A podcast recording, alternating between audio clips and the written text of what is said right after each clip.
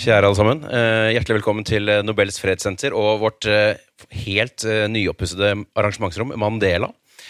Vi åpnet jo på fredag, så det er utrolig deilig å se Folkehuset. Vi hadde et rekordbesøk både lørdag og søndag, så vi er veldig glad for at vi nå er i gang med arrangementsrekker hos oss. Dette er det første arrangementet i serien Nobel Peace Talks på årets fredspris. Vi kommer nok til å gjennomføre mellom 10 til 12 ulike arrangement som dette, hvor dere kan bli kjent med årets fredspris til Nergis Mohammedi gjennom forskjellige typer arrangement. Og vi er spesielt glad i denne tretimersrekken eh, med Eirik Løkke. Det har vi gjort tidligere, og det har vært veldig populært.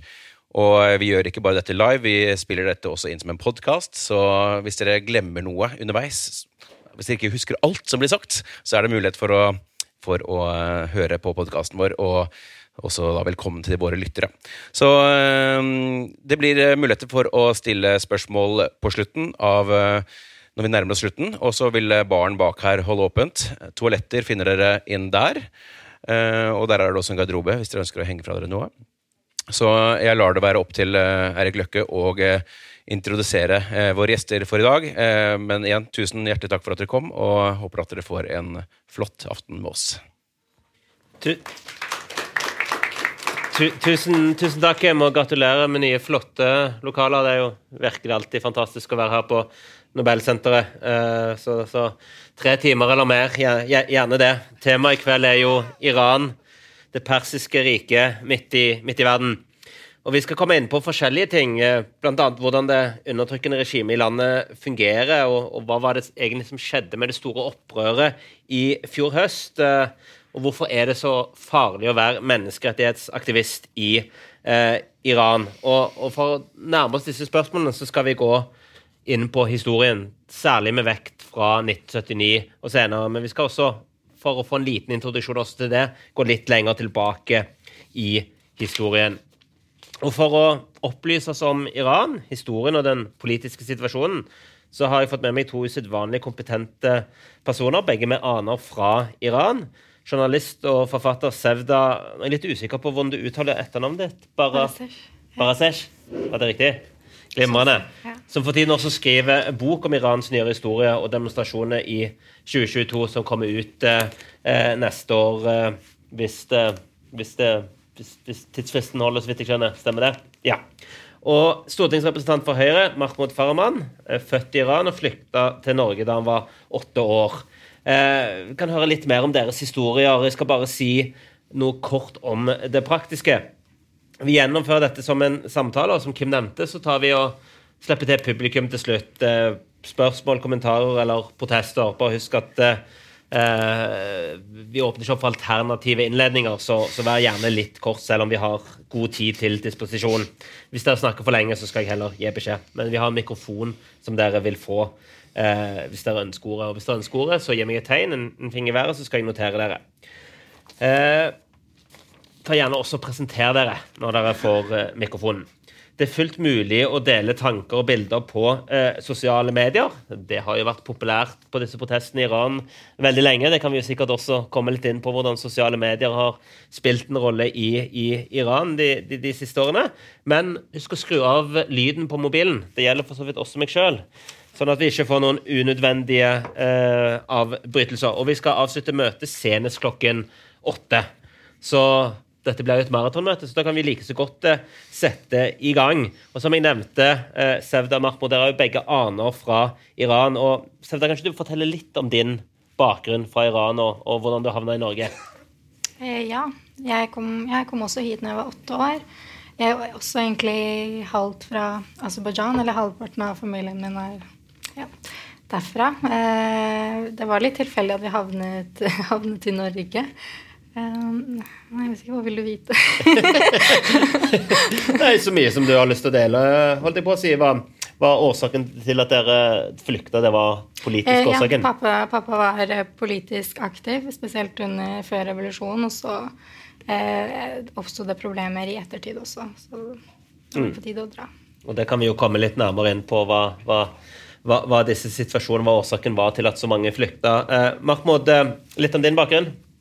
Nei, jeg, jeg er født i Iran, som sagt. Kom til Norge da jeg var åtte. Det blir 1988. Eh, bodde her siden. Eh, og begge foreldra har også vært var aktive under revolusjonen.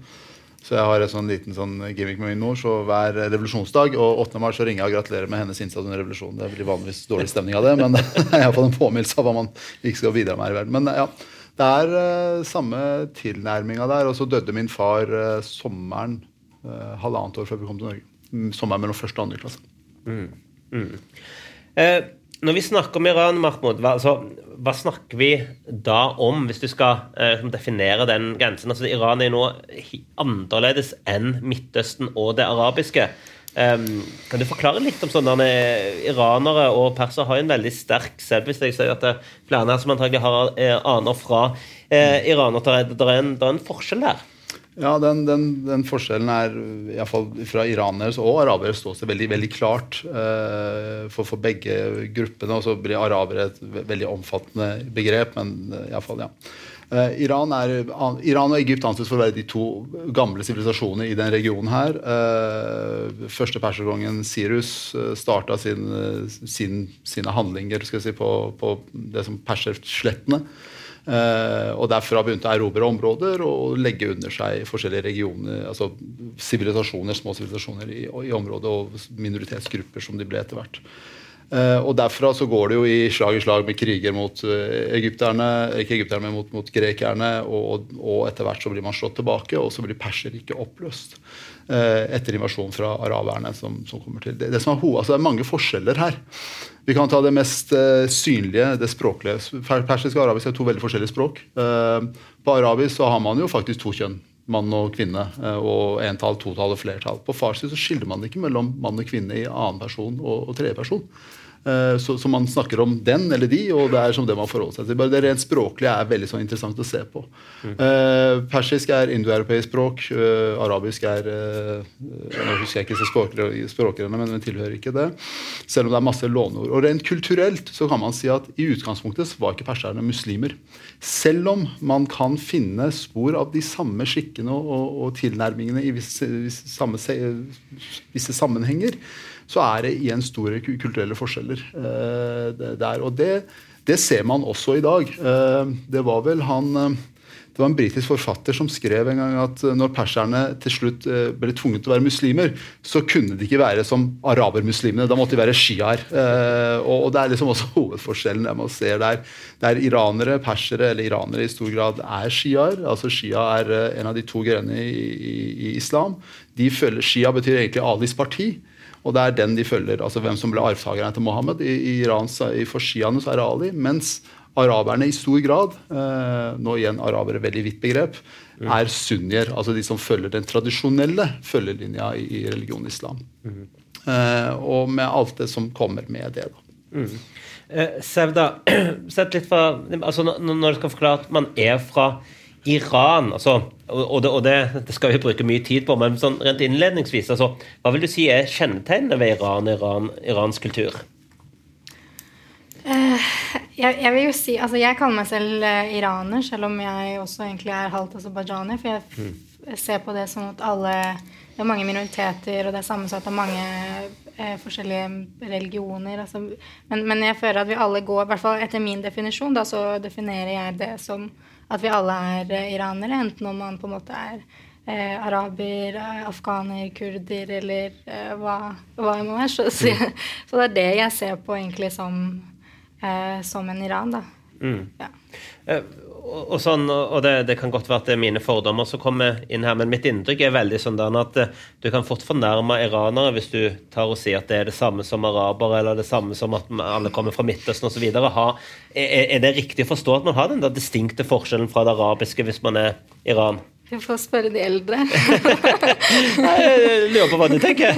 Hvordan dette, du oppfatter det? Eh, jo, altså jeg, jeg, jeg, har fått med meg det, jeg òg, men eh, jeg tenker jo ikke at det er eh, det er så relevant nå lenger, men, men, det er sikkert eh, Jeg vet ikke, hva tenker du?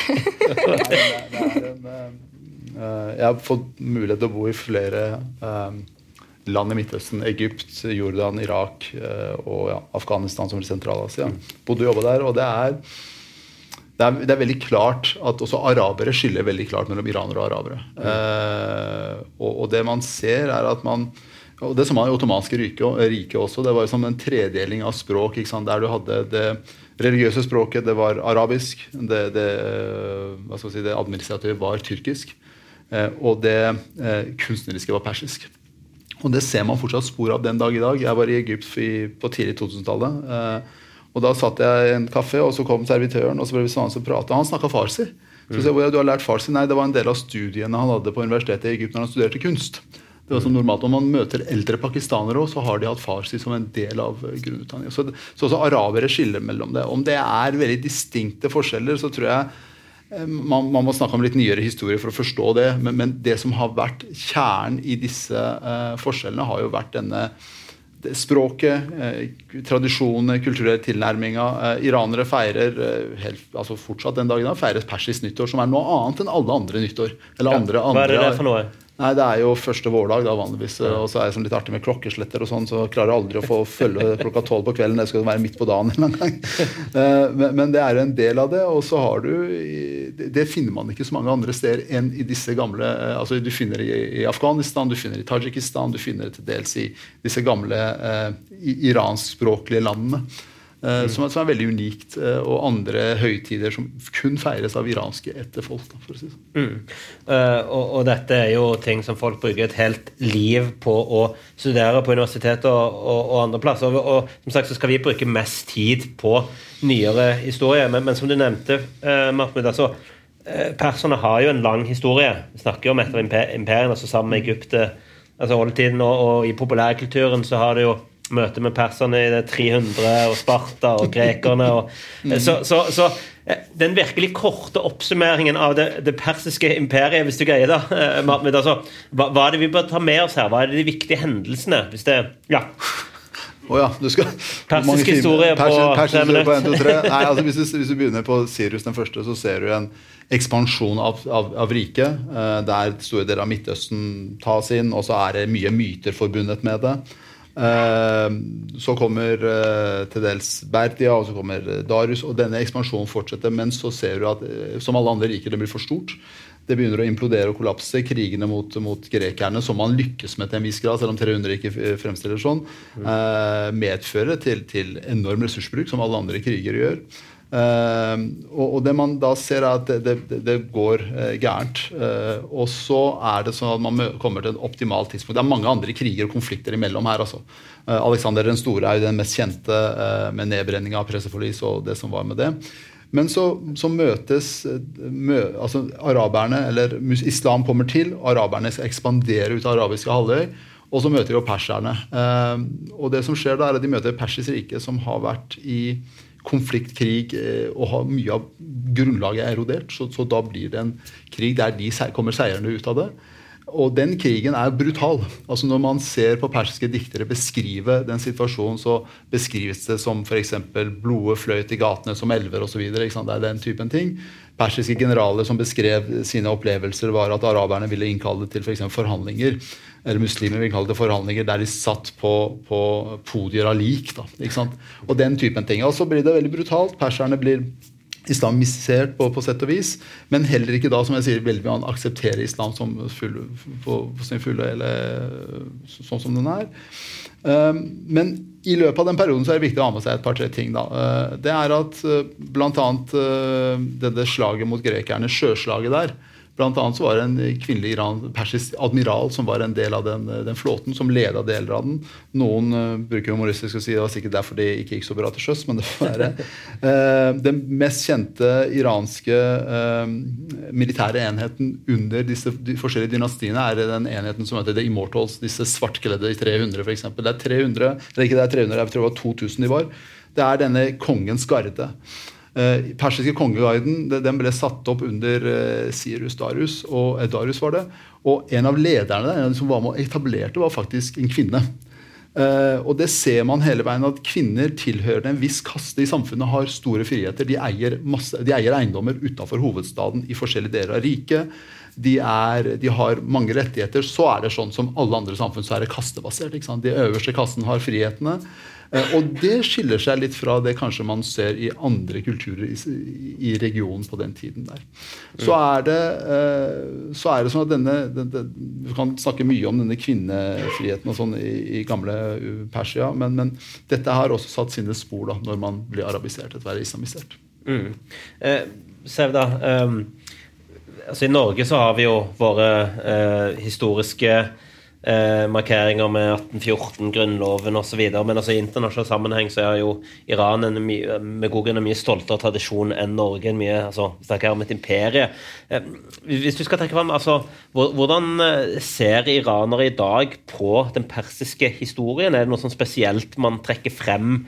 Eh, til stundene som feirer som, som, som, Hvilken selvbevisst har man der? I den grad man har en stor selvbevissthet? Um, det var et vanskelig spørsmål. Eller for å spørre, eh, Hva tenker du om det, da, når du ser på eh. Irans historie? Du har jo aner derfra. Hva, hva, hva, er det som er viktig for folk å forstå, hvis du ser på de lange linjene i historien? Så når man spør iranere, så har man jo funnet opp absolutt alt. Ja, ikke sant? det, er jo litt vanskelig, men eh, Nei, jeg vet ikke hva jeg skal, hva jeg skal trekke fram som på en måte eh, har en betydning i, i, i, mitt eget liv, på en måte. Mm. Vet, altså, at man er stolt av kulturen og historien er på en måte én mm. ting, men, men, og det er kanskje den stoltheten som på en måte er også en sånn fremdriver, eller sånn eh, selvtilliten til folket. da, at de, de, altså, Vi ser den dag i dag at de, de står på, men, men eh, Nei, jeg vet ikke hva jeg skal, helt hva jeg skal tenke. Men tenker man på Iran som det, at det, det var en gang et imperie, altså den, den, historien og den selvbevisstheten som, som, var der, som på noen som helst måte preger, eller som man, som man, er opptatt av i Iran. da. Jeg vet ikke hvordan, altså Regimet har jo sine egne holdninger, men dette er noe som er viktig å fremheve. da. Altså Den, den historiske betydningen som hatt. Uh, ja, nei, jeg vet ikke, Hva tenker du, Magnus? Du spør. Nei da, jeg, jeg, kan eh, Altså, jeg, jeg tror det, det, Man ser jo spor av den persiske stoltheten, altså den mm. persiske imperiestoltheten den dag i dag.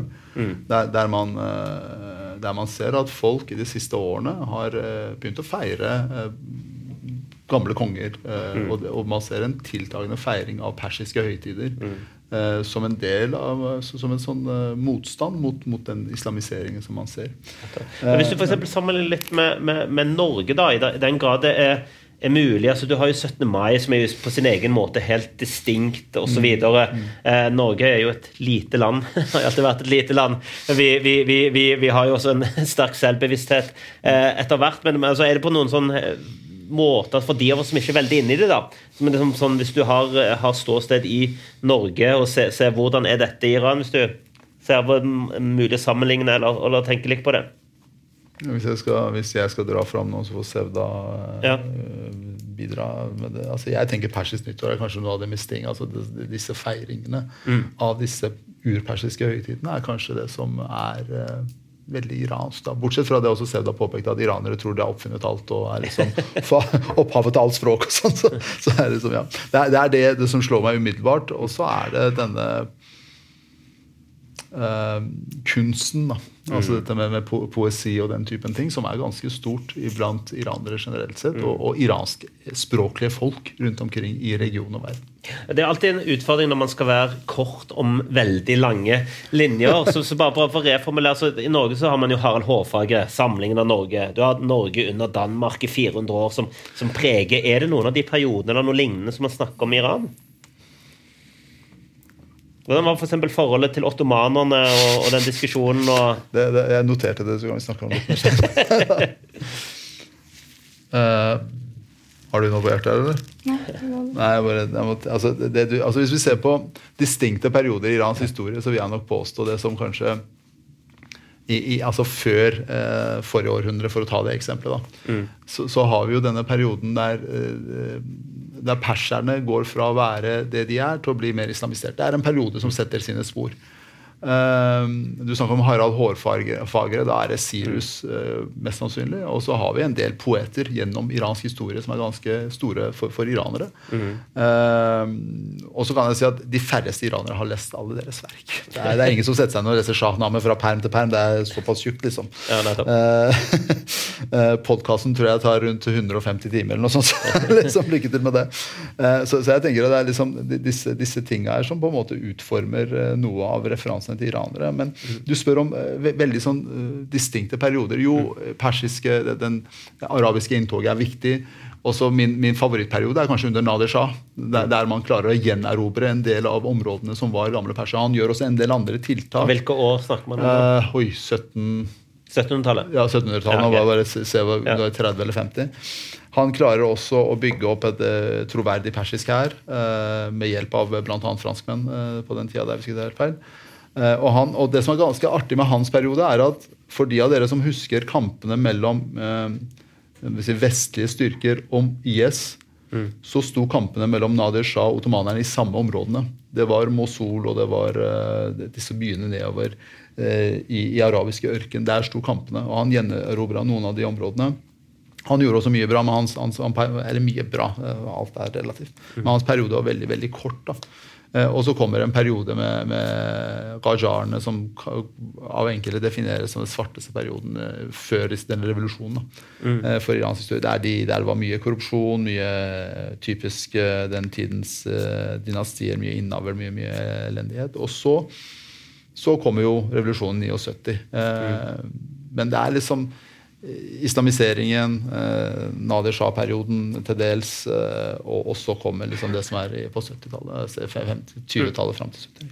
Og Hvis vi da går til litt eh, nyere historie, hvor vi skal bruke mesteparten av tiden, og da eh, Pahlavi-perioden og, og, og Shahen, som er rundt 1925 Eller kanskje allerede før det, så var det jo snakk om sånn hvis vi ser på demokratiseringen av eh, Iran og tradisjonene rundt der. altså igjen, hvis du da sammenligner med Norge, så har vi jo hatt mye om opprettelsen av Stortinget, kvinnelig stemmerett i 1913 osv. De, de siste 100 årene, eh, Sevda, hvis du skal se litt på hvilke demokratiske tradisjoner, i den grad de har noen i Iran, er det, er det noe man kan trekke frem da, de siste årene? Man, man fikk jo et parlament for, for, litt over 100 år siden. Eh, ja, altså, altså man, fikk jo, man, fikk jo, fram veldig mye bare under eh, siste periode med Reza Shah, selv om mm. Eh, metodene er diskuterbare, men man fikk jo eh, Det var jo ganske Man ble jo kvitt en del. Man ble jo kvitt på en måte det arvesystemet der man hadde rett til å arve land. Mm. Eh, men man fikk innført eh, kvinners eh, stemmerett, og kvinner kom inn i politikken. Så det var jo eh, mange ting på en måte nyere historie som, som ble til. da. Ja, og, og Mahmoud, ja, 1925, og det var vel Palavi, far og sønn. Det var vel bare to stykker som var der? Det var faren som Han var jo en um, altså det, Dette må også sies, da. Når ja. du snakker om kolonier Iran har aldri vært en koloni per se. Eh, slik som, og det er det som kanskje, med all respekt å melde, noen vestlige bruker ordet ekspert, for alle er eksperter i Norge. noen vestlige på tar feil. Iran har ikke vært koloni som sådan. Mm. Og dermed så har man ikke den koloniale arven Iran har, eller Persia har jo kolonisert andre områder uh, i, i, tider og i tider og utide, eller ja, okkupert, eller kall det hva, man vil. Men, uh, og det er der også, han, Perlevi han var jo en del av en uh, militær enhet. Han var jo en offiser som sådan, eller underoffiser. og og det jeg bruker å si, skrive om, er at han, han rir rundt med Kosakk-enheten. Han tilhørte en Kosakk-enhet. Uh, igjen trent og barusa til dels.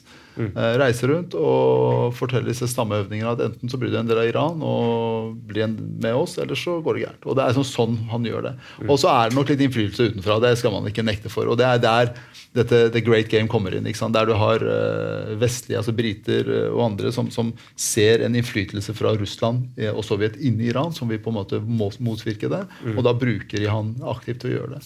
Um, om det er rett eller galt, kan man jo sikkert si mye om. Eh, men den utviklingen eh, i de, den perioden fra 25, 2025 til, til 79 er helt enorm i Irans sammenheng. Mm. Eh, man tar mange steg i, i, i en industrialisering, industrialisering, av landet, utvikling av demokrati, som Sevda er inne på. Kvinnerettigheter, utdanningsnivå osv. osv. Mm. Jeg tror ikke dette hadde skjedd uten at man hadde tatt dette steget. For rajarene var ikke så veldig interessert i. Denne, denne boka til han, han kaller seg den eh, siste Rajar-prinsen, kaller han seg, men sønn av disse Rajar-kongene, en av mange sønner. Han skriver i denne boka 'Blod og olje' hvordan dette fungerte, og hvor, hvor lite eh, oppmerksomhet rajarene hadde muligens til, til, Irans utvikling over tid og modernisering. Mm. Eh, og Derfor så ble også Iran i den perioden rajarene styrte, offer for veldig mye av stormaktene som var rundt. Man hadde ikke en eh, egen mulighet til å påvirke. Eh, og, så, og, så, åpnes det opp for sånn som Perlevi da, til å mm. komme på makt. Og, og, en av de tingene som eh, jeg skal ikke si mest kjent, eller en av de tingene som jeg tror mange forbinder med Iran, som man har bare sånn overfladisk blikk på, er jo denne situasjonen med Mossadegh. Eh, eh, kuppet, altså det, Spesielt fordi at Vesten var involvert. Altså, det er type ting som man kan høre på en amerikansk presidentdebatt. Det ble bare henvist til Mossadek-kuppet. Tenk hvordan Iran hadde sett ut i dag. Jeg tror det var Bernie Sanders som sa en gang. Og det, Dette ble tatt fram hele veien, så jeg tenker jo at dette er jo sentralt å iallfall bruke mer enn tre minutter. La oss bruke seks minutter på det, da. Eh, men, men, jeg, jeg tror Før vi kommer dit, så tror jeg vi skal snakke om den perioden før det òg. For det er jo litt som skjer før det. Ja. Nå det er bare jeg som snakker. Har du noe du vil meddele? Eller? Første delen. Nei, det er altså Iran fra 25 og fram til Mossadegh gjennomgår jo en del forskjellige ting. Altså i, Landet skal moderniseres. Mm. Eh, man har ressursrikdommer som, som olje. Uh, Iran gikk jo i uh, Hollands sykefella for, før Holland gjorde, vil jeg påstå, men det er en litt annen diskusjon. Uh, samtidig som Iran driver og utvikler en, en kapasitet og kapabilitet til å ivareta egen suverenitet, så har man en Sovjetunionen i nord uh, som har sine interesser. Mm. Og man har uh, mye uro i nabolaget der. Vi må huske at britene forlot disse mandatene sine etter hvert. Mm. Mye, mye sitt, ting som skjer i regionen. Mm. Sovjet har sine ekspansjonistiske interesser, og, og, de har i perioder så, så var det jo om de ikke okkuperte, så var de iallfall fysisk til stede i deler av Nord-Iran. Mm. Noe som igjen medfører øh, Vi kan snakke litt om det moderne, så hvordan Iran oppfører seg i denne konflikten mellom Armenia og Aserbajdsjan. Det er også litt interessant å snakke om etter hvert. Mm. Så, så, det, så, får man den demokratiutviklingen, og så får man uh, Innfører man litt sånn for, forsøk på på, på, demokratiske prosesser, med de konsekvensene det får. Mm. Uh, der du får Mossad til, til makta. Hadde Iran konsoliderte grenser? altså Dagens Iran med de grensene de har, hvor, hvor langt tilbake går disse? altså for du hadde Snakker man da om oppløsningen av det ottomanske riket? Ja, første verdenskrig, eller? Ja, altså Hvis du ser på, på kartet over Midtøsten, mm. så er vel Iran og Tyrkia de to eneste landene som har naturlige grenser. Mm. Irans grenser går i nord, langs fjellkjedene til, til dagens Aserbajdsjan og Armenia. I, I, vest så går det langs fjellkjeder til, til, til Irak og Tyrkia. Mm. Eh, den lille delen som er nederst i sør, kan vi snakke mye om. Den der åpne ørkensletta. Mm. Så har du i vest, eller i øst så er det samme naturlige grense. Så er det avgrensa av persiske gulfen, eller Gulfen. kan man mm. kalle den om dagen. Så det er en naturlig grense mellom de få landene som har det i regionen. Mm. Disse konsuleringene kommer jo ganske enkelt også av fra uh, Sirius sin tid. Mm. Iran var et Persia. og altså Kjernen i Persia var vanskelig å få tak i, fordi du hadde fjellkjeder rundt. Mm. Du hadde naturlige forsvarslinjer eh, som du kunne forsvare ganske enkelt. Eh, og, og disse her er vel altså Perlevi er vel der, der, der det, der, litt før Perlevi også, så da man får disse naturlige grensene. Mm. Men så er det slik at Iran, eh, da Perlevi tok over, var eh, Jeg er tidligere militær offiser, så blir det veldig teknisk nå, muligens. Yeah. Men man hadde en eh, ritterbasert kavaleri, altså hester, hest og kjerre var det man hadde. Mm Eh, man hadde artilleri bestående av noen kanoner fra Napoleons tid. Gammel militært eh, system uten å fly, uten mulighet til å eh, projektere makt i hele dette store landet. Mm. Noe som gjorde at man ble offer for alt mulig rart. Alt fra stammeopprør til, til sovjetisk incursion i nord. altså intervensjoner herfra og derfra. Og Derfor så, så, må man også bygge opp en hær, og det, det, er liksom noe av de tinga man Pahlavi sønn lærer etter hvert at han må bygge. Mm. Uh, så han bygger opp i fall et flyvåpen osv. Men, men det som skjer i, i under Mossadegh-perioden, er jo interessant. Det, det jeg vet, antar at du har lest historien på hvordan barnebarnet til Roosevelt var det vel, eh, mm. satte i gang den prosessen. Det er interessant i seg selv. Men det å da det, det, som jeg ofte sier, er at det å redusere eh, Irans før, historie før revolusjonen til to hendelser, det er Mossadegh-kuppet og dette berømte feiringa av 2500-årsfeiring av eh, iranske monarkier, det er litt sånn smått rart. For i, iranere i dag, mm. de færreste av de som bor i Iran, er, slik jeg oppfatter det, er så veldig opptatt av det der. Mm. Og iranere i Iran på daværende tidspunkt eh, kan man si sikkert mye om, men jeg tror heller ikke store deler av befolkninga var så veldig opptatt av det som skjedde med oss på, på daværende tidspunkt. Mm. Uh, kan du bruke 90 sekunder for ikke si 120 sekunder bare for å si hva var det som faktisk skjedde? Det er sikkert omdiskutert nok, det. ved, ved, ved å fastslå. Altså, den overfladiske, tradisjonelle eh, eller Det man ofte hører, da, er jo følgende. det var jo at Mossadegh ble valgt til statsminister med en litt sånn venstreorientert, nasjonalistisk eh, perspektiv ville nasjonalisere oljen. Du hadde britiske oljeselskaper som var der inne. Dette likte britene veldig dårlig, fikk med seg amerikanerne. Orkestrerte et kupp, fjerna Mossadek og fikk tilbake olje. Og så går vi videre. Ja, var det det som skjedde? Nei, nei, det er så enkelt er det nok ikke. Altså, olja, altså, Energitilgang var en del av det. Og den prisen betalte jo vestlige makter i, på 70-tallet for, for, den avhengigheten de hadde skapt. Det er en litt annen diskusjon. Mm. Men det er også annen, et annet perspektiv her. Vi er midt i den kalde krigen. Uh, Iran som en sårbar nasjon eh, for sovjetisk påvirkning, men med nøkkelrolle i regionen, med evne til å projektere makt. De, og det her var jo diskusjoner som amerikanske sikkerhetsrådgivere og, og britene hadde. Hvis vi klarer å bygge opp den nasjonen eller bistår de til å bygge seg opp, så kan de være med å projektere makt i regionen og ivareta våre interesser. Og ivareta seg selv. Eh, samtidig som dette pågår, så foregår det nå i nabolandet Tyrkia. Der har vi også et annet land som, som blir en nøkkelbrikke for, for Nato og for, for Vesten i, i regionen og, og, i verden. Og Derfor så blir det veldig viktig for, for amerikanerne å ikke miste uh, ikke, for vestlige å ikke miste uh, Iran til, til, til Sovjet. Uh, det vi må også legge til er at Når vi snakker om Iran, så glemmer vi også og fortsatt, daværende tidspunkt og fortsatt den dag i dag, så sitter Iran slik det er nå, med full kontroll over all olje- og gassforsyning ut av Perskergulfen. Du kan ved Hormozstredet, som er det trangeste punktet ut av bukta, ut i uh, Oman-Gulfen, tror jeg det heter, kan du faktisk med helt uh, ordinære rakettsystemer påvirke samtlige skip som går gjennom. Så hvis, altså, hvis du mista denne regionen til Sovjet, hvis det kom under sovjetisk kontroll, så ville all energiforsyning i Vesten være trua. Mm. Og Det er for så vidt en del av det bakteppet som er her.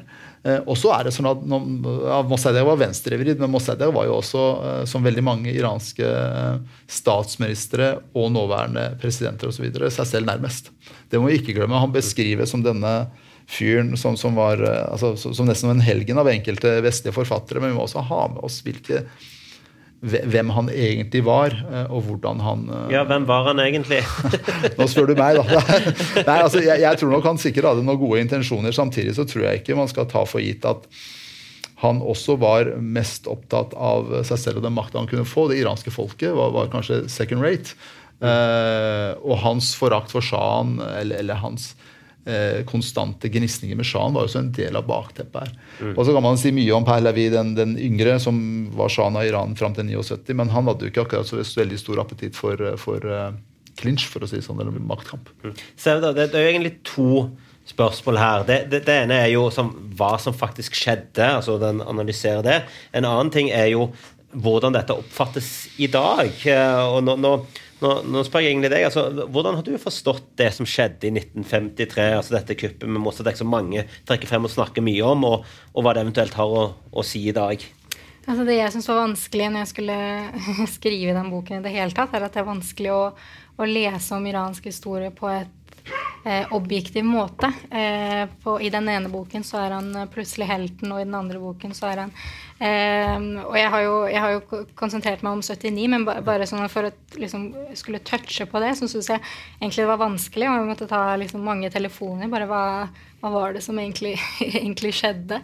og hva fant du ut? Uh, nei, jeg, jeg prøver, prøver, å fortelle litt mer objektiv og litt mer Og dette var det som skjedde, egentlig. Uh, Eh, og ikke så veldig mye mer om, om person. Så, så, egentlig så er det bare toucher jeg veldig, veldig litt på det, og bare rett fram på, på hva som skjedde. Mm, og Hva er ditt inntrykk med hvilken rolle dette eh, spiller i, i, dag? Er dette noe som iranere og, og andre er, er, opptatt av? Er det noe som har satt spor på en sånn litt antivestlig måte? Det, det hevdes jo ofte det jeg vet ikke antivestlig, men akkurat den der diskusjonen så har jo vært eh, Det har jo vært en diskusjon jeg snakker med iranere om om det i det hele tatt kan liksom kalles et kupp. Fordi det var jo eh, det var jo ikke en opposisjon som på en måte eh, skulle, skulle mm. hvis, man, hvis man tenker på hva kupp egentlig betyr, da, om, om, det egentlig var et kupp, og så er det så Det er liksom den diskusjonen jeg har, jeg har merket meg, da, at det er mm. de to, om det faktisk var et kupp, eller, eller det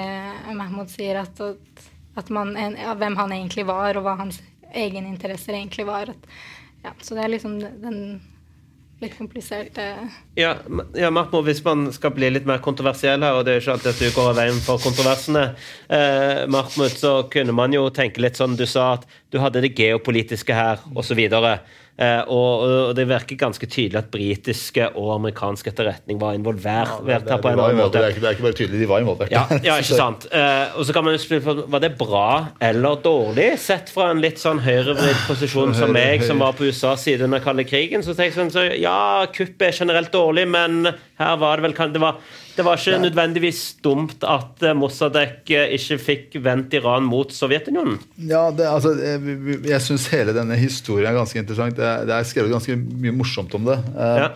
Men eh, det er jo altså for å ta hele historien for de som ikke kjenner det. Det som skjer er jo altså at det, man, man ser en trend til at Mossadegh kommer til å ta over makta. Det blir valg sånn og slik. Eh, til Roosevelt eh, settes i en situasjon Han jobber ved CIA, og, og under en sånn sommerfest et eller annet som britene eller noe sånt, så, så blir det snakka om dette her. Eh, hvorpå han sier greit, da, da skal vi fikse det. Da skal jeg eh, reise til Iran. Hva gjør han? Han får tak i en bil i Albania, kjører til Tyrkia, fyller den med penger i bagasjerommet, kjører til Iran og begynner å kjøpe, begynner å kjøpe posisjoner. Eh, Det Han gjør er han får tak i gjennom amerikanske ambassaden og personell der, så kommer han i kontakt med høytstående iranske offiserer. Bl.a. en eh, militær leder, jeg husker ikke graden hans, som skulle på sett og vis være den som var eh, spissen i denne, dette kuppet og lederkuppet. Og så, og så er alt planlagt og alt er klart. eh, og så kommer kvelden da kuppet skal gjennomføres. Og han, eh, denne offiseren er ingen sted å bli funnet. Det er ingen som vet hvor han er. Så barnebarnet til Roosevelt jeg husker ikke hva han reiser litt rundt og får tak i ham. og så står der, kommer det en leilighet der får tak i ham og prater med sier Kom igjen, nå må du liksom sette i gang, da. Han bare nei, var veldig motvillig og ville ikke gjøre det. var veldig redd Og sånn, og, og etter hvert så får han overbevist om å gjøre det. Men innen han har overbevist så er jo prosessen allerede i gang. Eh, så som Sevda sier, hvor, hvor mye kupp det var, hvor mye det var liksom egen, eh, en egen bevegelse, kan man diskutere. Men dette er liksom bakgrunn for hvordan det ble. Mm. og dette ble også en sånn eh, veldig sånn viktig opplevelse for amerikanske etterretningstjenester, amerikanske tjenestemenn og -kvinner i Iran. På hvordan det var å forholde seg til disse iranske offiserene på daværende tidspunkt. Eh, man kan si 53, hvis denne offiseren da er i 40-åra, nå tar jeg bare et tall, 35 til 40, så han tjenes jo i iranske forsvaret i 22 år. Dvs. Si altså at han begynte på 30-tallet en gang. Nå tar jeg bare sånne ta- tallrekker så man sånn får med seg hvordan dette her er.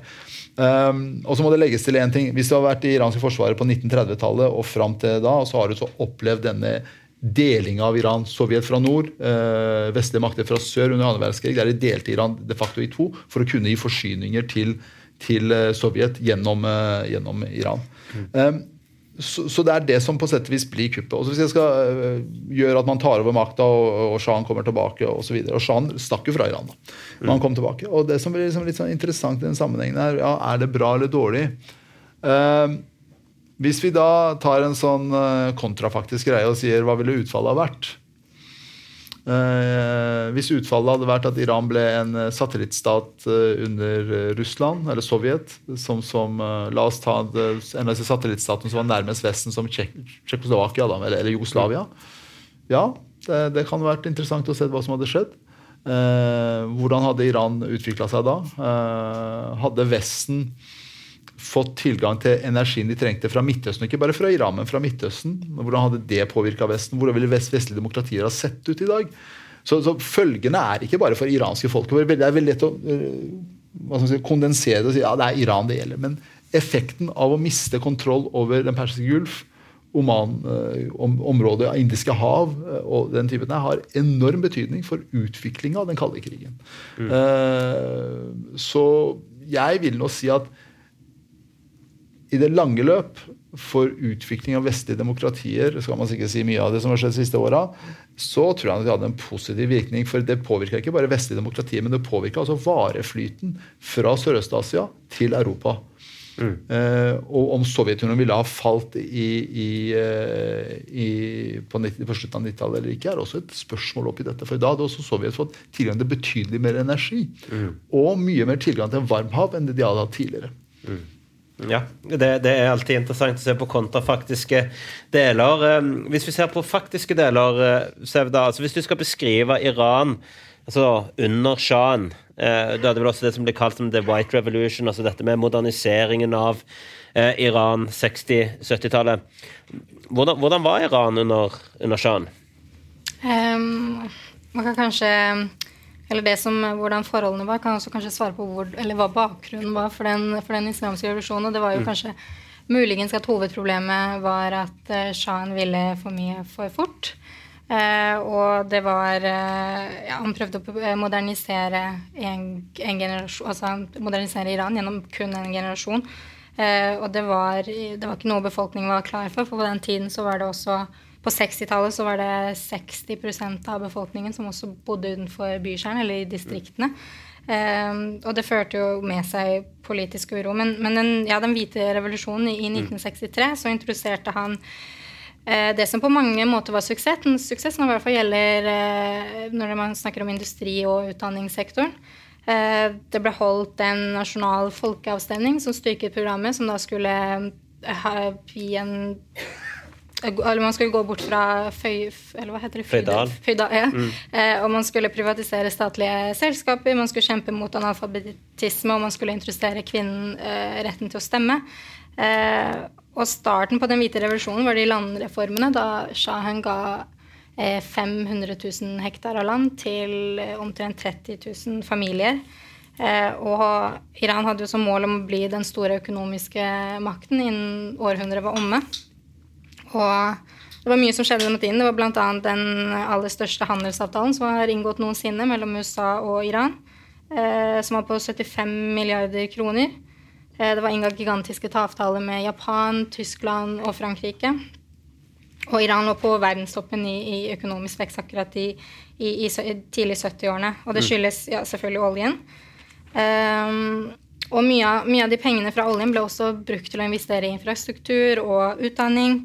Uh, og befolkningen begynte, å vokse, og det ble uh, oppsto en slags ny type som profesjonell middelklasse. Alt dette høres jo strålende ut. Eh, Sevda. Hva var det befolkningen ikke likte med dette? Eh, det, var jo, det var jo først og fremst kritikk fra, fra presteskapet. Mm. Eh, og klerkene mente jo at denne reformen på en måte ikke Disse reformene var mer til å forbedre koloniale formål, og at de egentlig ikke var altså det var et press fra USA, og det egentlig ikke var for det beste til befolkningen i Iran. Eh, og en annen kritikk var jo selvfølgelig at kvinner var i politikken, og det gikk jo direkte mot eh, klerkenes tro. Eh, og ironisk nok så det, ble det sett på som udemokratisk, og eh, ja, blant annet at eh, Shan solgte olje til Israel, var problematisk. Eh, det ble også andre typer vanskeligheter fra andre eh, steder i samfunnet. Det var F.eks. Eh, bøndene har jo fått, nå, fått land, men de hadde ofte ikke frø og, og vann og moderne landbruksmaskiner til å eh, faktisk kunne drive det. Og de, det ble derfor en sånn De ble skyvd eh, mer mot byene, da, eller mot Teheran. Mm. Eh, og det var det på en måte ikke kapasitet på den siden. I hvert fall ikke å inkludere de politisk. Eh, og et annet problem var at det var, ting skjedde for fort. Det var mangel på kvalifiserte folk. Eh, i i 1975 så var 60% av befolkningen analfabeter, og 50% av befolkningen var under 15 år. Mm. Eh, og det var jo ikke alle som fikk på en måte smake på den der økonomiske eh, suksessen. Eh, og det var flere nyutdannede, det var jobber, og eh, veksten forårsaket inflasjon, eh, som skapte mye sosial og politisk uro. Og, og, det var heller ingen måte åpen politisk dialog. Man gikk fra et eh, topartisystem til et ettpartisystem i, i 75. Mm. Eh, ja, så det var, og det, ja, det, var ikke alle som heller likte denne avhengigheten som, eller denne fascinasjonen Shan hadde med, med, USA og alle de der tekniske utstyrene han var så interessert i å, å få inn. Mm. Eh, Mahmoud, hva, hva, hvordan vil du beskrive eh, livet under eh, Shan i Iran eh, igjen, altså det, det, som Sevda beskriver, høres jo egentlig mye bedre ut enn hva, hva, vi hører fra Iran nå, for å si det rett ut. Ja, jeg tror Sevda påpekte et par-tre viktige poeng her. Det, det, hvis vi sier det sånn, da uh, at Hvis vi legger til grunn Jonathan Haidt har jo forska mye på dette konservatisme ute i distriktene og liberale forholdninger i byene. Hvis du sier at som Sevda var inne på, at industrialiseringen av Iran skjøt fart, det krevde mer arbeidskraft. Arbeidskrafta måtte komme inn fra eh, rurale strøk, mm. distriktene. Eh, en del som var i landbruket, kom, kom til byene, og det fins mye bra sati iransk satire om dette. her. Mm. Kommer til byene. Der møter det rurale folket med de konservative verdiene de har, de liberale menneskene som bor i byene. Mm. Og det blir et kjempeklinsj. Eh, en, av de beste, for å ta det, en av de beste beskrivelsene av dette her finnes i en sånn uh, satirefilm som uh, Iran, iranere er gode på. det, Samad og Sami, som det heter. Det er som en som landsbygutt som, forvir, som, som ser identisk ut som en gutt som bor i byen, og så blir de forveksla med hverandre. Så han landsbygutten ender opp i en sånn byfamilie, og han bygutten ender opp i landsbyen. Og det du ser er veldig klart disse beskrivelsene hvordan han landsbygutten opplever byen. Eh, dette er laga på 60-70-tallet, hvis jeg ikke tar feil. Og det er for så vidt, den, den iranske filmen er for så vidt en, sånn beskrivelse av situasjonen som oppstår. Eh, konservative verdier møter liberale verdier i høyt tempo. Altså Iran gikk Iran hadde i 1975, som stedet var inne på, høyeste eh, økonomiske veksten. En høyere BNP enn en Sør-Korea og Tyrkia. Men i løpet av budsjettkonferansen det året i Iran så snur alt.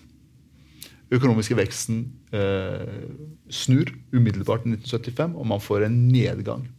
Det kommer av flere grunner. Hvis vi sammenligner med dagens situasjon, så får du samme stagflasjonssituasjon, der du har høy inflasjon, og så er det ingen vekst. Mm. Eh, inflasjon kommer, som et direkte resultat, og det skrives det mye om i økonomiske rapporter fra den tida der. Og han Ferman Fermanian, som var daværende iransk økonomi, sentralbanksjef, mener jeg det var, han skriver også om hvordan for mye, for stor oljepengebruk medførte denne, denne, enorme inflasjonen. Samtidig som man ikke hadde nok arbeidskraft og ikke hadde tilgang til alle råvarene man trengte for å bygge opp den industrien man skulle. Så en overambisiøs økonomisk utviklingsplan på 70-tallet møter eh, lavere oljepriser eh, og for, mye, for, høy oljepengebruk. Så for alle dere som vil bruke opp oljefondet i Norge, har med dere det. så, så, resultatet er jo da igjen Folk fra, inn, fra, landsbyen har kommet inn til byene for å få jobber. De møter denne liberale kulturen som blir for mye for dem. De mister jobbene, de har ikke noen jobber å gå til.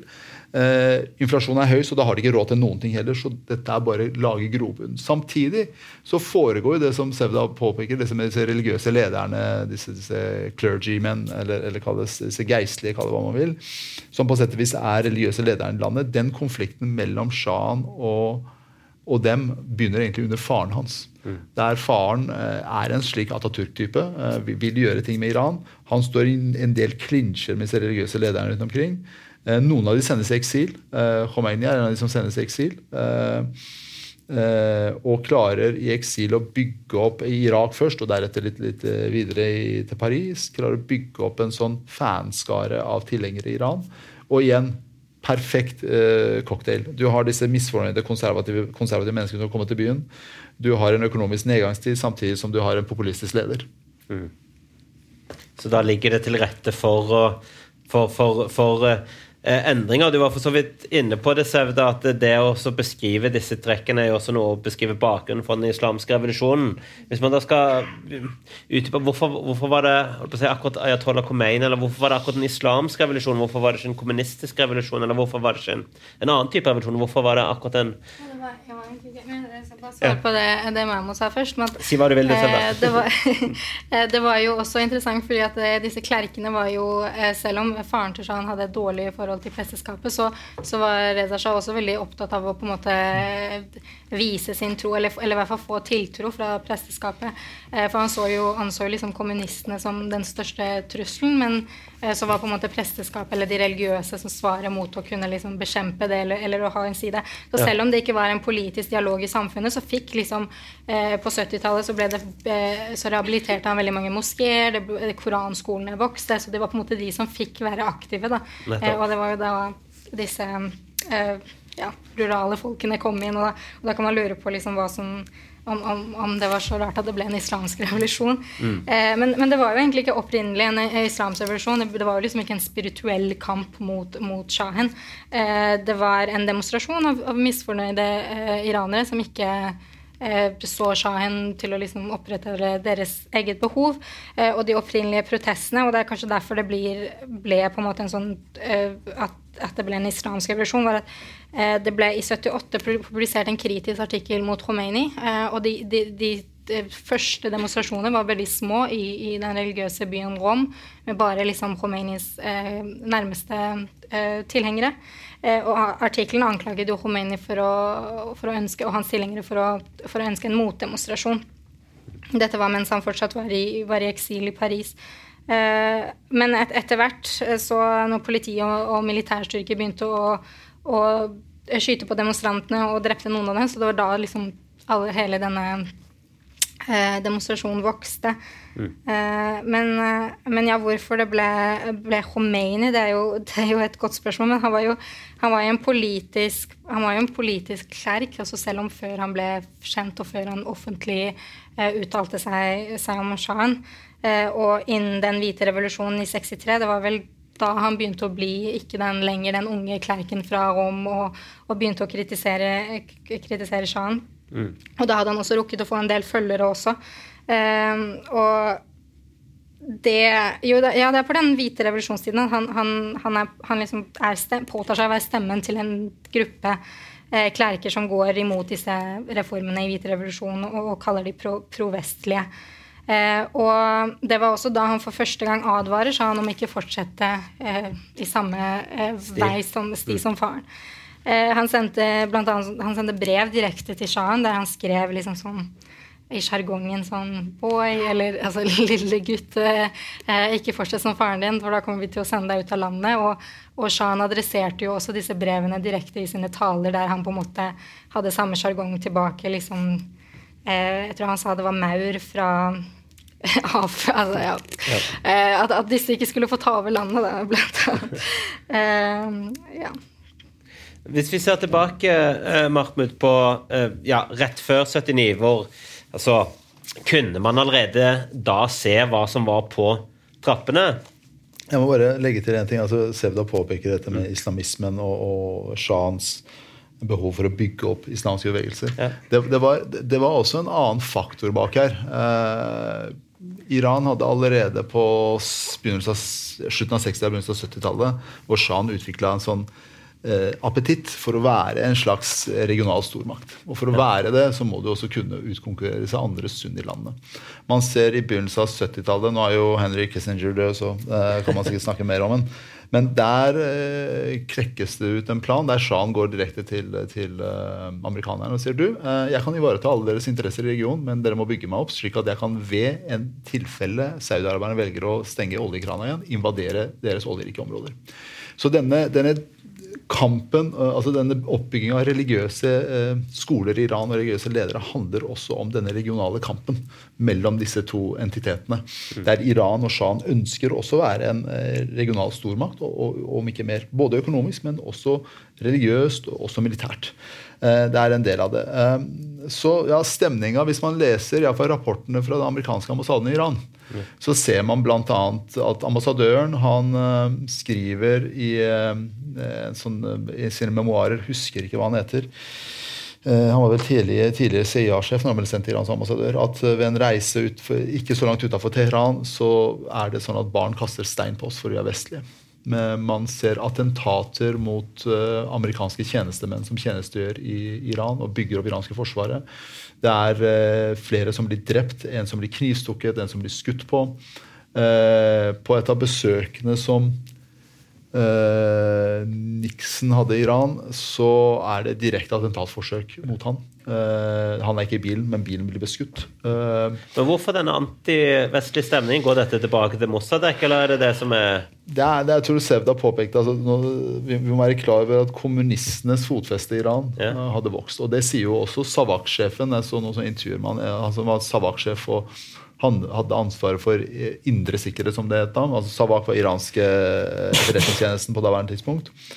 Uh, han sier også at vårt fokus var uh, i stor grad på, på, kommunistiske bevegelser, men vi fikk ikke med oss alt der heller.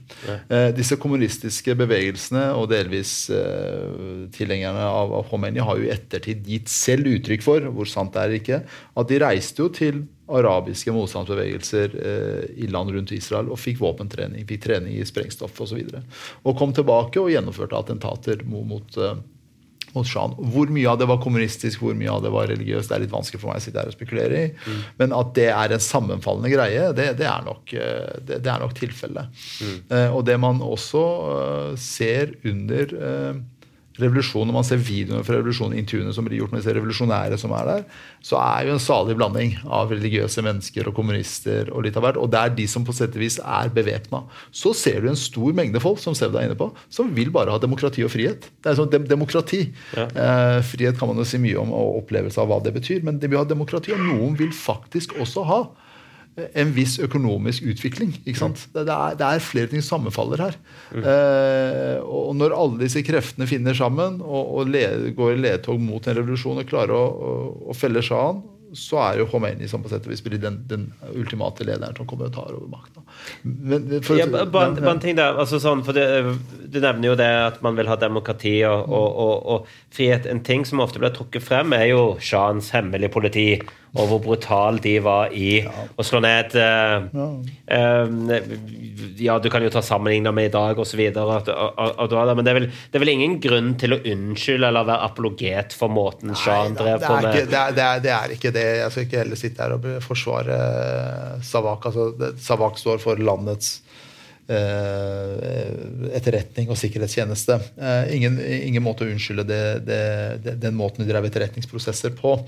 Uh, det, det, var det det var. Uh, og så er det slik at en del av tallgrunnlaget for antall fengsla og drepte viser seg å være uh, direkte løgn. Altså, det, det, mange som ble drept, det var det. Men, men de tallene som ble lagt fram at dette regimet etter revolusjonen, stemte ikke med, med, fakta som var på bakken. Det er sett på en del statistikk at det ikke stemte. At det var et, et hemmelig politi som iallfall på 60-tallet og til midten mot slutten, altså, altså helt til nesten til grensa av revolusjonen, hadde ganske brutale metoder. er det ingen tvil om. Mm. Og så må det sies at når disse her tok over, ja. så, så, bygde de opp hele etterretningstjenesten sin på Sabak sine metoder. Ja. Så det er liksom ikke mye som er endra. Eh, det bare Det er litt som når kommunistene overtok etter tsaren i Russland. så er det... Ja, akkurat. Det er samme metodene.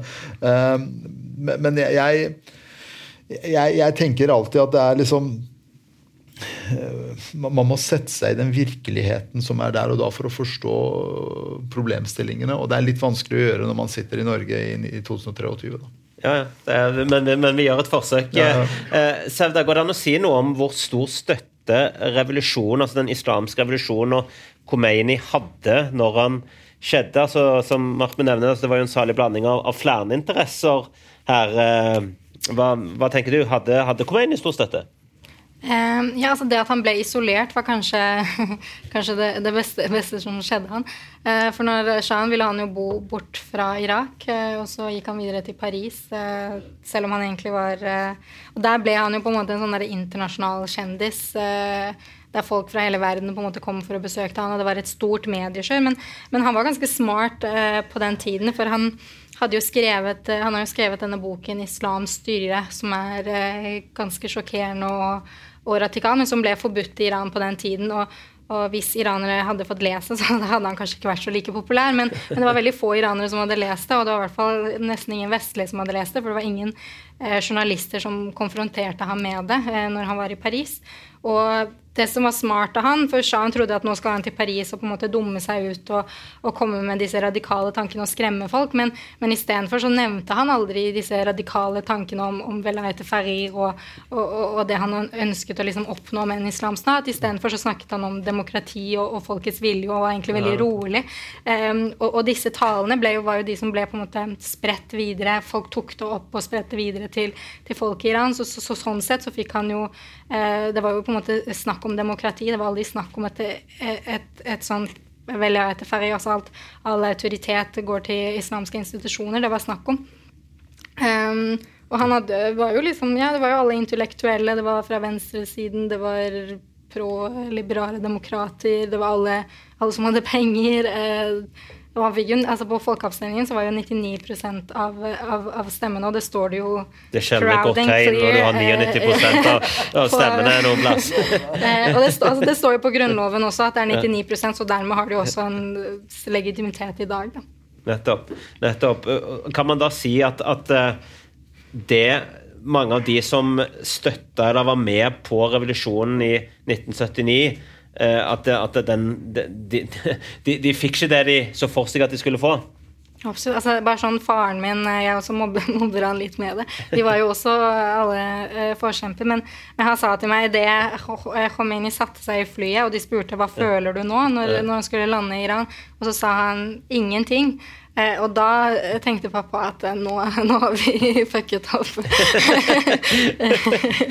For vi, vi, husker jo, eller vi husker, jeg har iallfall sett de bildene av Khomeini som kom eh, i Teheran, og alle folkemengdene altså det, det, det der, Man lurer jo ofte på hvor orkestrert sånne ting er, men det ser ikke veldig orkestrert ut. altså Det virka jo som han hadde enorm støtte, i hvert fall når han kom. Ja, altså jeg, jeg, tror nok han hadde støtte, og så tror jeg denne, denne Jeg prøver å sette meg i en 1970-tallssituasjon der masse hippier reiser fra Vesten til India for å finne en guru, så kommer languruen til Paris, faktisk, så kan vi reise dit og møte ham. Men det er, det er, litt sånn stemning, tror jeg.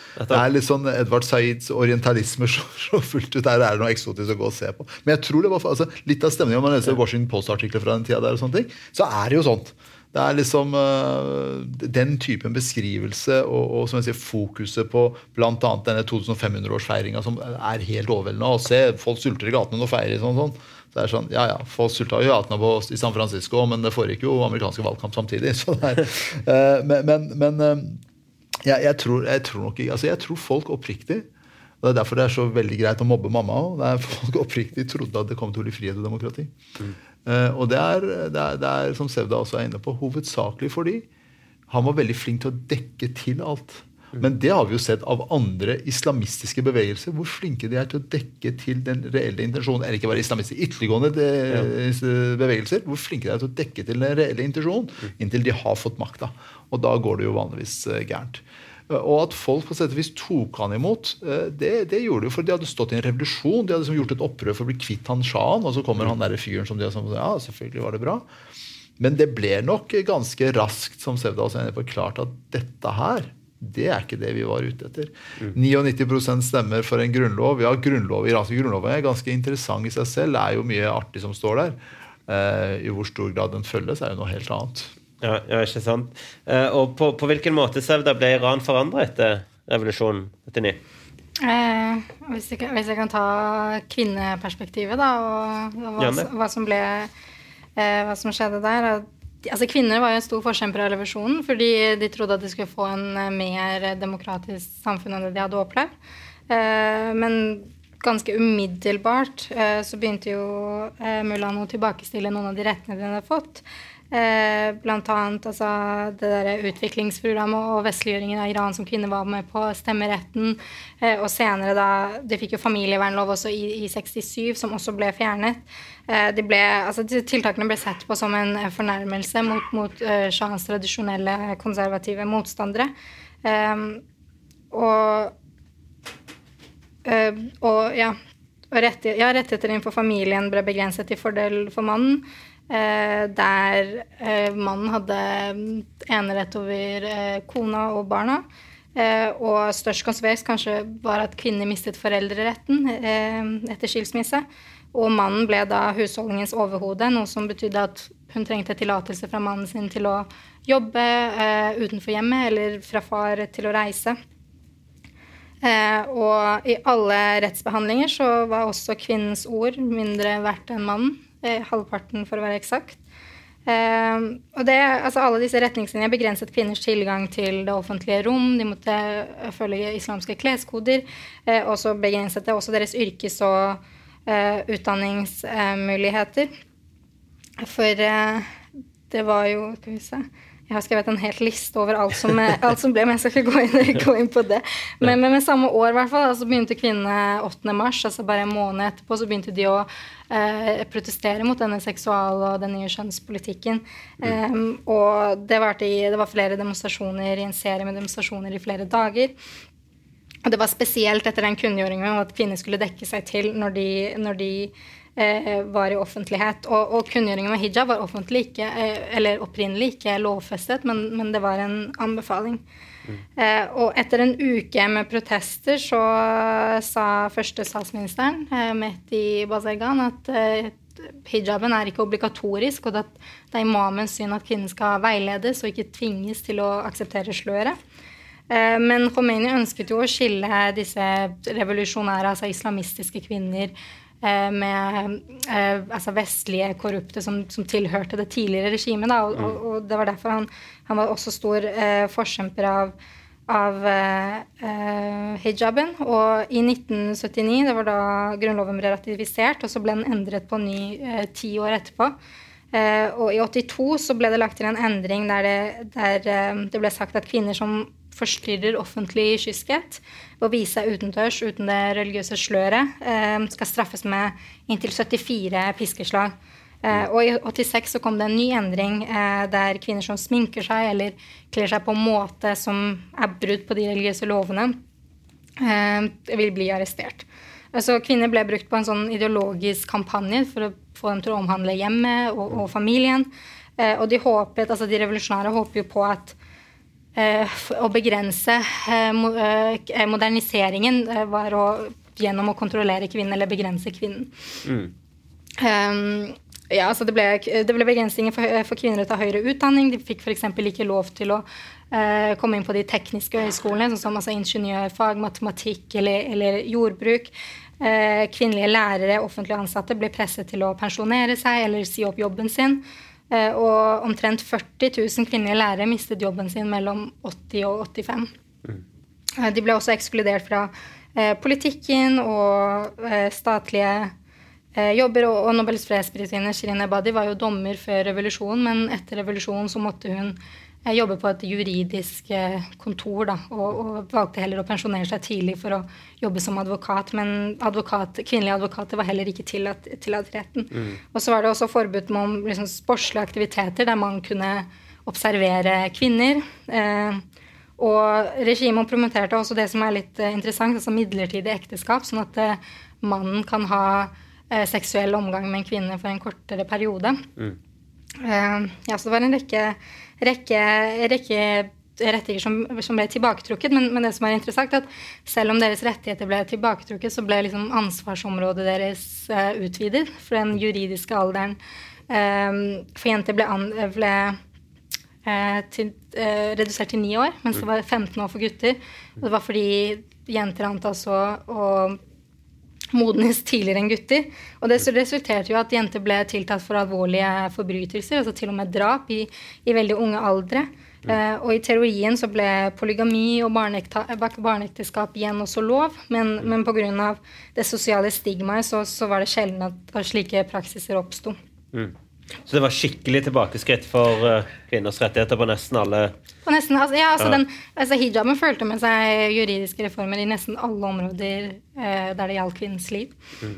Eh, Mahmoud, eh, hvordan var dette mulig å få, få, gjennomført så fort? Var det ingen motkrefter? Var det ingen som, som kunne slå en kontrarevolusjon eller noe organisert motstand som Du spurte her tidligere hva som har vært sånn disse definerende episodene for Iran gjennom historien, eller Persia. Ja. Det kommer jo en definerende krig mm. som begynner med invasjon, uh, Iraks invasjon av Iran. Uh, den krigen har jo et ganske interessant bakteppe der sjahen i lang tid provoserer Saddam uh, så langt han kan, og så kommer revolusjonen. Saddam ser sitt snitt til å gjennomføre en invasjon og ta tilbake deler av de områdene som han mente var irakiske. Det er selvfølgelig de oljerike områdene i Khuzestan i Iran. Ja. Som er da sør, sørvest i Iran. Det, altså etter revolusjonen så foregår det en rensning i Iran. En ting er jo at man tar fratar folk rettigheter, kvinner rettigheter. En annen ting er at man tar og dreper altså offiserer av mass, clerks av mass. altså Folk blir bare drept. Ja. summariske henrettelser. Det er, hva heter han derre fyren, da? Jeg husker ikke hva han heter. Han sitter og du ser veldig klart, han sitter bare og ja, ja, skriver ja, ja, altså, har sånn showcase, sånn, sånn underholdende rettssaker, og så er det bare å henrette. Så det som skjer da er at Iran Dette er litt som den franske revolusjonen med Robespierre? der. Ja, ja, det, er det. Ja. Du har sett Napoleon. Ja, ja. jo, jo, men altså det er, ja, terrorveldet som setter i gang. Samme, samme opplegg. ikke sant, så Man rydder i, i, rekkene, og da blir jo, da ser Saddam at vel, nå er eh, x antall prosent, det var faktisk rundt halvparten av offiserene, enten drept eller stikket av, så nå invaderer jeg Iran. Han invaderer Iran. Og den invasjonen, Hans plan var å ta Iran i løpet av to til fire uker. Eh, den krigen varte i ni år, og det var, det ble, de sto og sloss langs samme grensene stort sett hele tida. Eh, og det er det som også skaper handlingsrom for at Khomeini og co. kan gjøre det de gjør. Irans hovedfokus, og det er det de solgte altså Jeg husker på skolen i Iran når jeg, jeg var der som altså barnehage og skole så var det en, og Irans TV også, det eneste de ble mata med, var jo nettopp den propagandaen om, om Iran er i krig, Iran er i krig, for noen som verner om nasjonen og sånt. Det det gikk i. I bakgrunnen så kunne man drive med disse tingene. Man kunne drive og innføre disse, disse lovinnskrenkningene for kvinner. Man kunne drive med massehenrettelse av tusenvis av mennesker. Mm. Eh, og, og, hvis jeg skal være veldig sånn, spekulere veldig sånn konspirasjonsteoretisk, der er iranere veldig gode til å være konspirasjonsteoretiske, så kan jeg jo si at eh, man kan nesten legge til grunn at eh, Khomeini og co dro den krigen ut så lenge de kunne for å, bare for å kunne gjøre det de ville. Ja. For det, det, ga de nesten en carte blanche uh, til, til, å holde på. Og så bør man vel legge til at uh, etter revolusjonen her så skifter vel også amerikanerne mm. veldig mot uh, Saddam. Ja, ja, det, ja med, den, den, den, den, historien kan vi snakke mye om, for den er også interessant. vi kan iallfall snakke litt om den. du, du, kan prate mye om den hvis du vil det. Men, men, det som er, altså, oss, vi må ha med oss at iranske forsvaret fra 19 40, ja 50, eh, et, etter Mossadegh iallfall. Fra, fra 53 fram til 79 ble i stor grad bygd opp av vest, vestlige makter. Det var franskmenn, det var amerikanere og briter i all hovedsak, så var det i og for seg franskmenn som bidro. Hele iransk, iransk Shahens mål var å ha et Nato-type forsvar. Iranske offiserer reiste til Vesten på utdanning amerikanske og britiske rådgivere var i Iran på, på opptrening av personell. 79 kommer, revolusjon eh, skjer. altså Den der gisselsituasjonen amerikanske ambassaden som alle sikkert kjenner til, gjør at alt amerikansk personell, britisk personell og fransk personell reiser fra Iran. Det som står igjen, er iranske flyvere, iransk personell som er trent av vestlige, og Iran har masse moderne stridsutstyr. Uh, fun fact, uh, Den som har flest uh, det vi kaller, altså i Luftforsvaret kaller for kills, altså den som har skutt ned flest fiendefly med amerikanske F-14 Tomcat, er en iransk flyver. For det er eneste gang jeg har sett kamp er i, mellom, i krigen mellom Iran og Irak. så denne invasjonen resulterer jo i det den gjør, og at Iran har kapasitet til å holde ut, er jo mye av det. Samtidig så foregår det en del andre prosesser under krigen, der bl.a. Israel ser at Irak driver blant annet bygger opp kjernefysiske kapasiteter. Så de, mye av reservedelene til å holde F-14-flyene i gang for Iran kommer jo fra Israel i en periode. Og mye av know-how-samarbeidet underveis. Mm. Og hvorfor Du nevnte at Khomeini sikkert ville trekke denne krigen ut lengst mulig. Hva var det som, hvordan endte han egentlig med å avslutte Altså, det var jo en stalemate. Der, eh, nå har jeg ikke tallet altså ja. Ekstremt mange mennesker ble drept. Eh, må du? En million. en million ble drept. Eh, jeg var i Irak, og der husker jeg de hadde en sånn eh, triumfbuen i, i Bagdad. Ja. Det de hadde gjort var at Mye av triumfbuen det man ikke ser, er bygd opp av hjelmer fra den krigen. Ja. Og det var jo haugevis av hjelmer, for å si det sånn. Eh, millioner av mennesker drept. og da husker, Jeg husker fra, fra barneskolen der vi, som, der vi, ble fortalt at jo, jo og det, det her var faktisk altså, jo, jo, Hvis du bare går og sprenger deg i et minefelt, så kommer du til himmelen. Mm. Og det var Barn ble aktivt brukt til å rydde minefelt. Var ikke det den tidligere iranske presidenten? Hva er det for noe? Jeg mener du Ja, Som var en av de som var pådrivende på det? Ja, ja det, det, det, altså det var mange av de, for ja. han var ikke alene. Men uh, det var en sånn propaganda som ble spredt på skolen om dette her. Og Iran brukte det de hadde av, av menneskelige ressurser. Og samtidig så kommer det noe Man ser jo de demografiske resultatene av det. At uh, samtidig som krigen pågår, så foregår det en sånn formaning eller, eller ordre til befolkningen om at nå må vi bli flere, nå må dere føde barn. Mm. Og den, de barnekullene har jo kommet til etter hvert. da, men, men det er denne krigen eh, med million drepte eh, som kunne ha vært eh, løst mye tidligere. altså eh, noen måneder ute i krigen, eller to år ute i krigen, så, så er det fredsforhandlinger per divisjon. Saddam er klar for det. Han har ikke ressurser til å fortsette, men de fortsetter og fortsetter. Og fortsetter. Mm. Eh, og det var en brutal krig. En ting er det som skjer på fronten, en annen ting er eh, bombinga av eh, sivile mål i storbyene i Iran. Eh, Karaj var en ikke-industriell by da. altså det var lite industri, men ikke bykjern. Så mange flytta dit. Det er der jeg bodde. Mange flytta dit. Det var en halvtime fra, fra Teheran. Teheran ble utsatt for mye med flere angrep, hovedstaden i Iran, enn de Karaj ble, og andre, andre byer og fikk også unngjelde ganske kraftig. Mm. Så den krigen har satt en del spor også i Irans nåværende sikkerhetspolitiske doktrine, som de bruker aktivt. Zarif var veldig flink til å kjøre på med den linja der i de debattene og diskusjonene våre. Mm. Eh, Sevda, hvis vi ser Iran på, på 90-tallet, husker tilbake der, så var det jo en, begynte det å bli en bølge av protester. Husker den ene iranske studenten som var på forsiden av The Economist.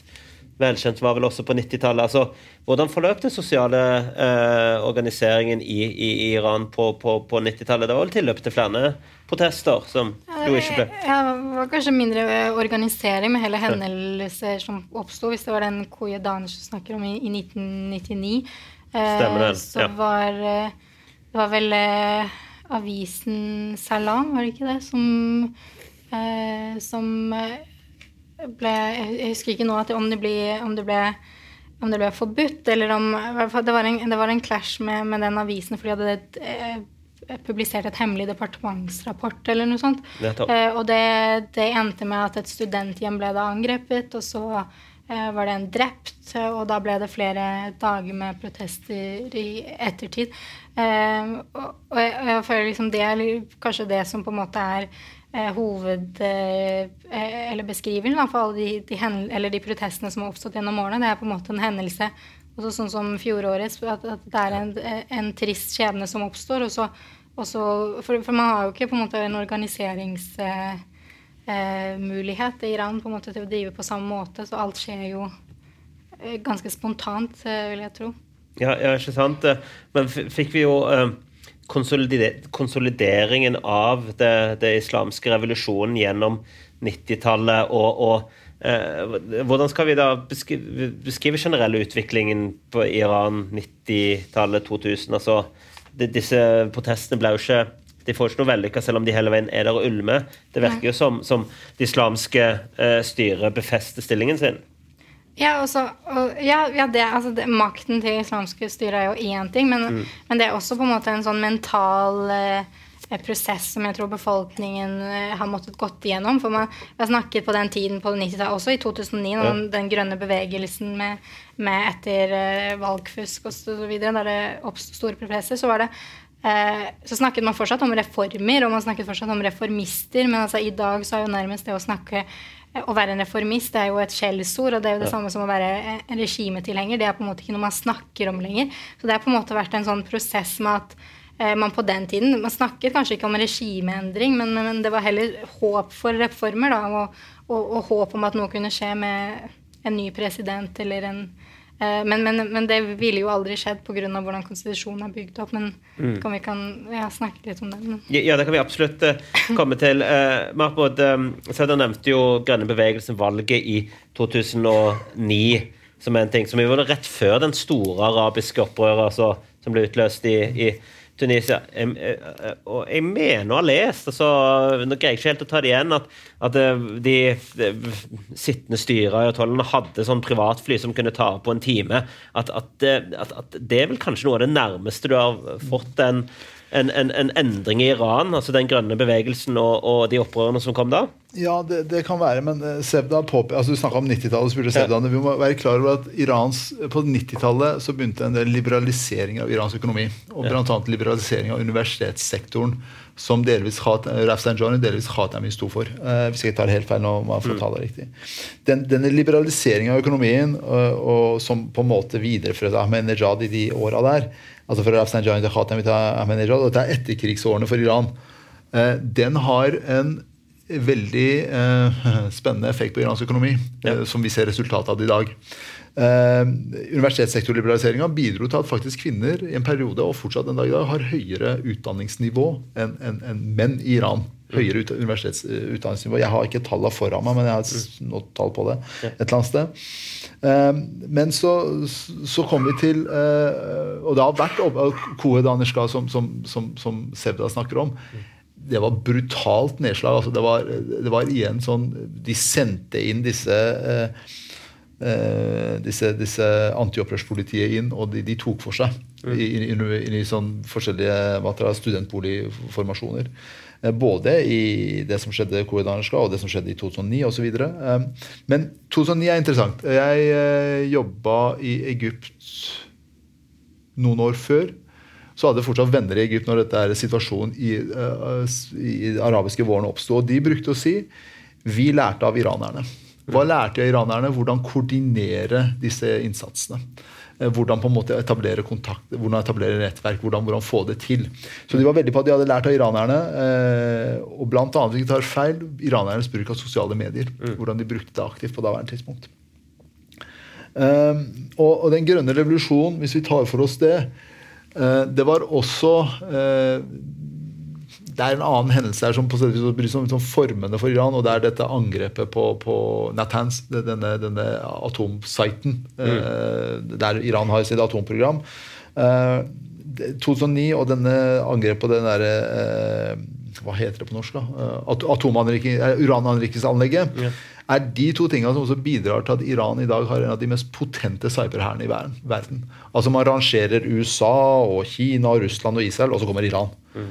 Ganske potent entitet. Eh, fordi Sosiale medier ble brukt i grønn revolusjon, og det som gjorde av dette urananleggingsanlegget ble tatt ut, var også dårlig cybersikkerhet. Som, mm. og, liksom, var ikke det sånn Israel-amerikansk virus, eller hva det heter? Det de brukte Stuxnet, Stuxnet ja. og det som, hvordan de gjorde det, er kjempeinteressant. Ja. Sånn rent det mange dokumentarer om det på YouTube. Ja, ja det, er, det, kan godt sitte sånn, det trenger ikke å fortelle. Men, men det er igjen det, det, denne liberaliseringen som, som foregår i de perioder, økonomiske liberaliseringen. Og Ahmed-Nejad som i sin periode, dette er jo midten av 2000-tallet og utover,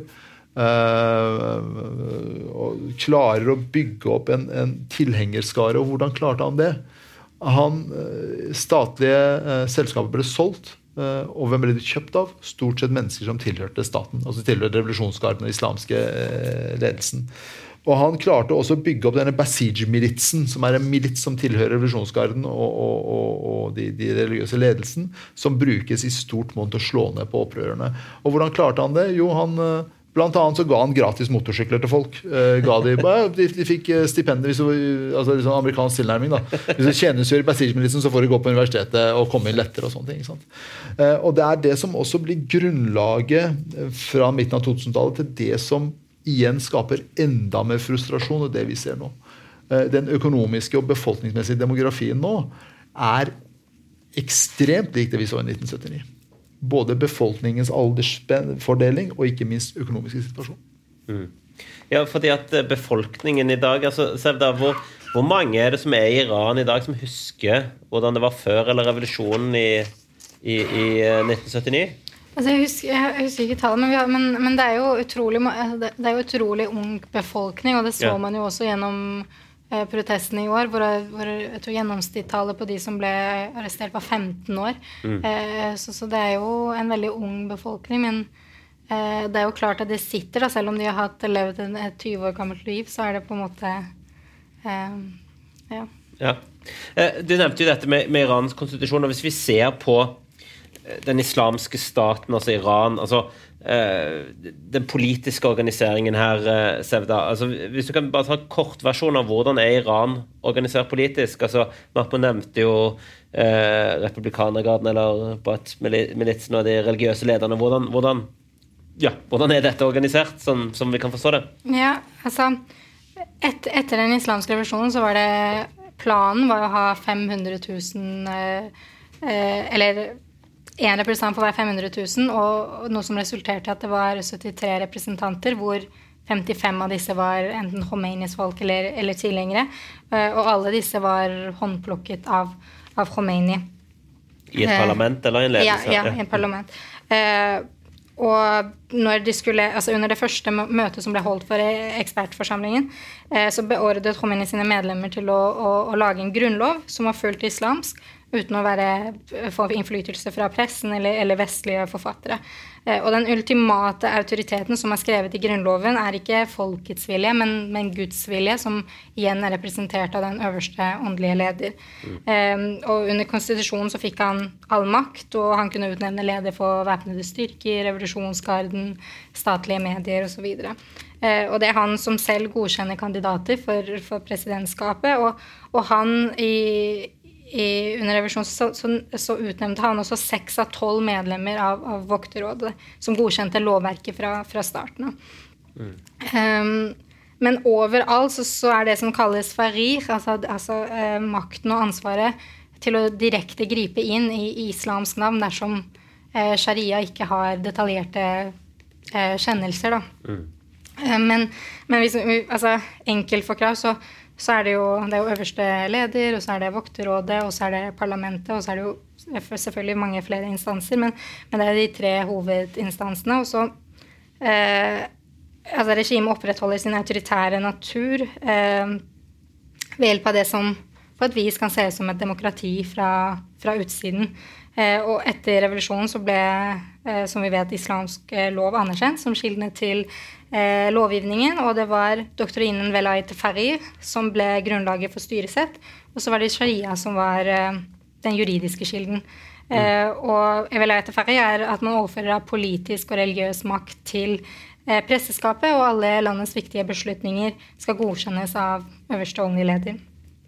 Um, det er en artikkel i eh, Grunnloven, artikkel punkt 3.6, som, som har som mål å eliminere all slags tyranni, eh, autokrati og monopolisering av makt, mens artikkel eh, 57 stiller krav om at den lovgivende, den utøvende og den dømmende makten overvåkes av eh, kommandoets absolutte autoritet mm. Eh, og religiøs etterskap, noe som ja, selvfølgelig er motstridende.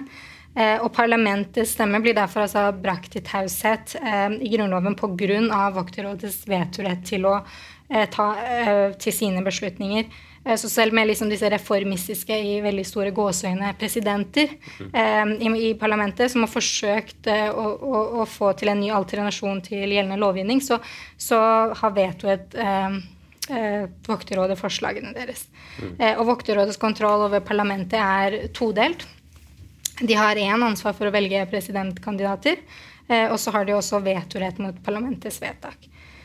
Um, et eksempel er i 2003, der parlamentet faktisk var i favør for å godkjenne uh, denne konvensjonen om av avskaffelse av alle former for diskriminering mot kvinner. Uh, men Vokterrådet la ned veto å gjøre det fordi det var imot uh, i strid med sharia.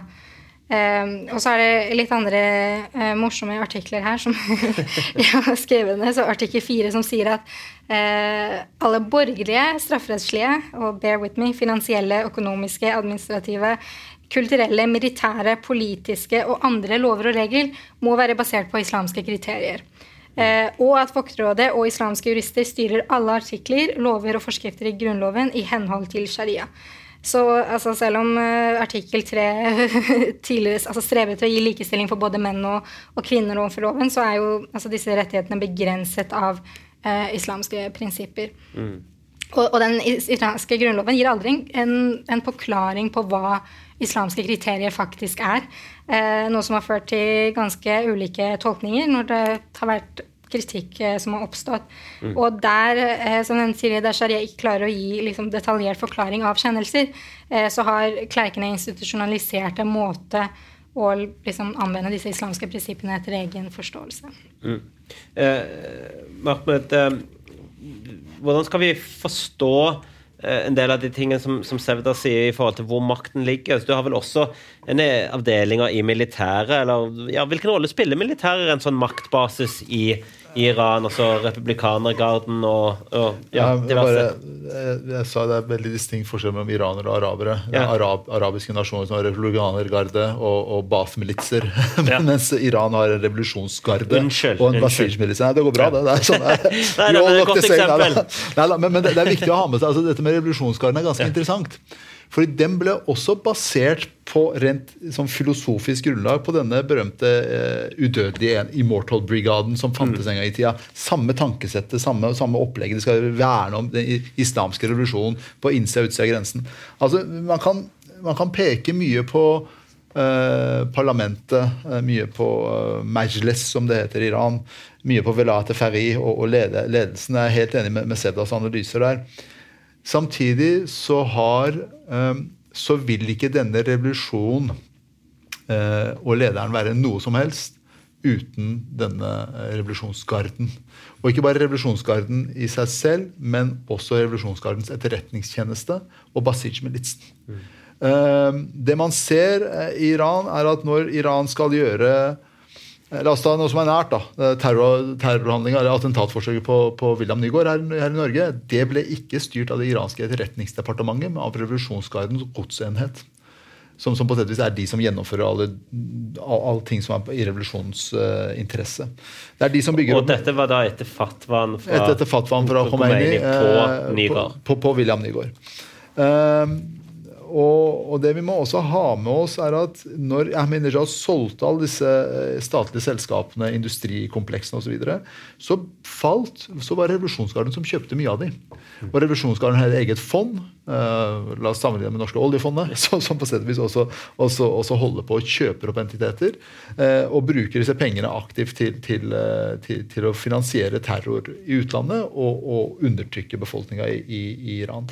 Iranske rakettprogrammer ligger under revolusjonsgarden, atomprogrammet ligger under revolusjonsgarden, cyberhæren ligger under revolusjonsgarden. Så revolusjonsgarden er jo en stat i staten. Og uten denne, sta, den, denne konstruksjonen så vil ikke den islamske revolusjonen kunne eksistere. Så enkelt er det. Og det er vel også de som er mest i kontakt med Hamas? Og... Ja, det er de, som, altså, de styrer Hamas, de styrer islamsk jihad. De har uh, sponsa Taliban uh, og støtta Taliban. De har støtta faktisk Al Qaida i Irak, eller AQI som det het, som etter hvert ble IS. Så ble det krig mellom de. Houthiene i Jemen. Eh, diverse opprørsgrupper andre steder i verden. Eh, terroraksjoner mot israelske mål og vestlige mål gjennomføres av dem. Mm. Så, så, dette her er en sånn Gjør de dette da litt uavhengig av resten av det iranske maktapparatet? på det, Ja, de har jo en e, altså, ja, ja, fritt fra parlamentet. Parlamentet ja. har ikke noe kontroll over de, heller ikke. Forsvarsdepartementet. De, de, styrer sin egen hverdag. De rapporterer til, til, til Khamenei. Lederen for godsenheten og lederen for revolusjonsgarden er tett bundet opp mot uh, Khamenei, som er landets øverste leder. Mm. Uh, men deres hovedoppgave er å ivareta og spre revolusjon. Mm. Koste hva det koste vil. Uh, og mange av disse her er jo hardcore islamister, på, på sett og vis. og veldig mange av de er egoister, for det handler om deres egen interesse og pengene de får inn osv. Mm. Ja, og, ja, det, det, er revolusjonsgarden, men, men igjen, altså, uten denne revolusjonsgarden og Basij-militsen mm. så ville ikke situasjonen vært, vært det den er i dag. For de iranske politifolk og iranske forsvaret, altså regulære hæren, regulære forsvaret, er ikke like tungt inne i Irans hjørne, altså, altså Velate Ferri og, og, eller den vokterrådet og islamske ledelsens hjørne og laden. altså alltid. Mm.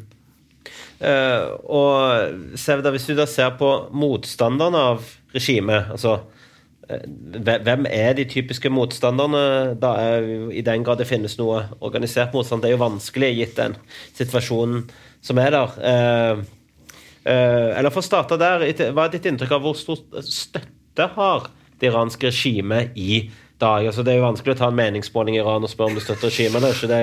Det, det, det, det, tror jeg de fleste ville vært litt uh, skeptiske med hva, hva, de svarer, men vet man likevel noe om Er det, er det folk i det hele tatt som støtter det her greiene? Det er jo det som første naturlige spørsmålet. Jeg leste, men jeg, jeg, jeg, jeg fikk et tall på sånn 10-15 altså, Man har jo ikke lov til å samle inn statistikk, men, ja. men uh, jeg, klarer ikke å finne tilbake. Men jeg mente jeg leste noe med 10-15 uh, eh, som hadde støtte. Og, og, det kan jo være, altså det kan jo være eh, at de har fått et slags, slags altså penge, altså økonomisk støtte.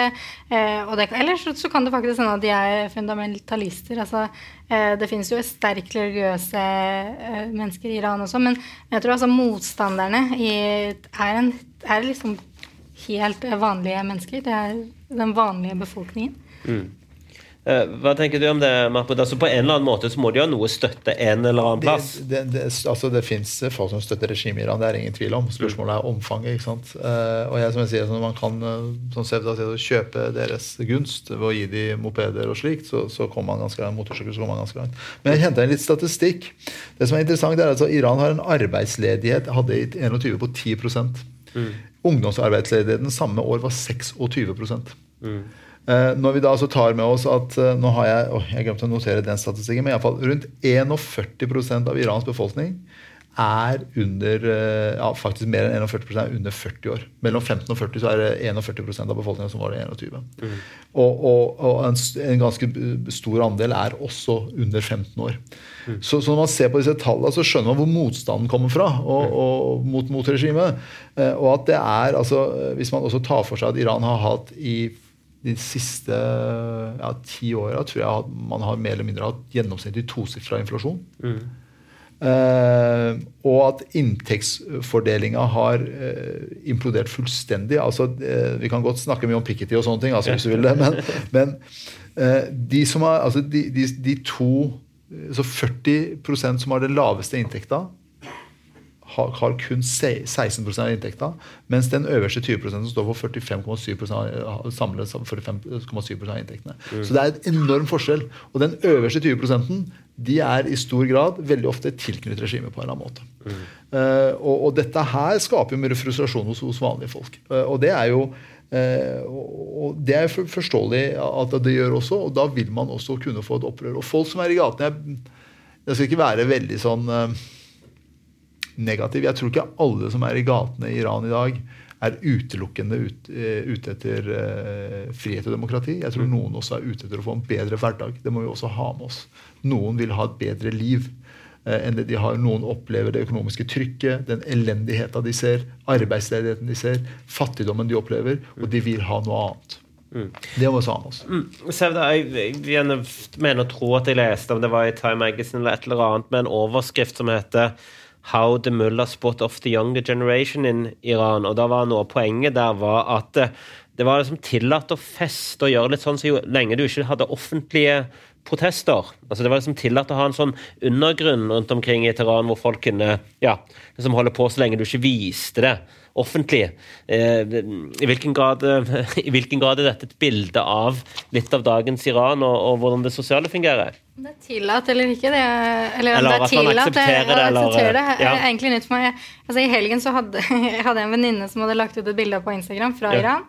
Hun hadde bursdag, hadde på seg en symmetrisk kjole der den liksom ene skulderen syns. da, Og så hadde hun bare på en måte bare tatt den pe- pennen på Instagram Story og bare liksom tegnet over armen sin. Ja. Og så sa jeg hvorfor sensurerer du det på Instagram? Og så sa jeg, og det her er jo eh, noe nytt eh, at hun har blitt kalt inn til eh, altså politiet, og hun kan faktisk bli, eller har, har faktisk blitt truet med fengselsstraff pga. de bildene hun legger ut. Ja. Eh, så, så jeg har sånne vanskeligheter med å tro at det faktisk er, liksom, er, er tillatt med, med, med sånne Ja, men Ikke at du viser bilder, men at, at, at det, det, slår altså, Så vidt jeg forsto argumentet, da. Det slås ikke ned på det. Altså, dette er en måte man kunne få uttrykk for litt frustrasjon så lenge, men det at så lenge de kommer på sosiale medier, så blir, blir blir det jo offentlig da på en måte.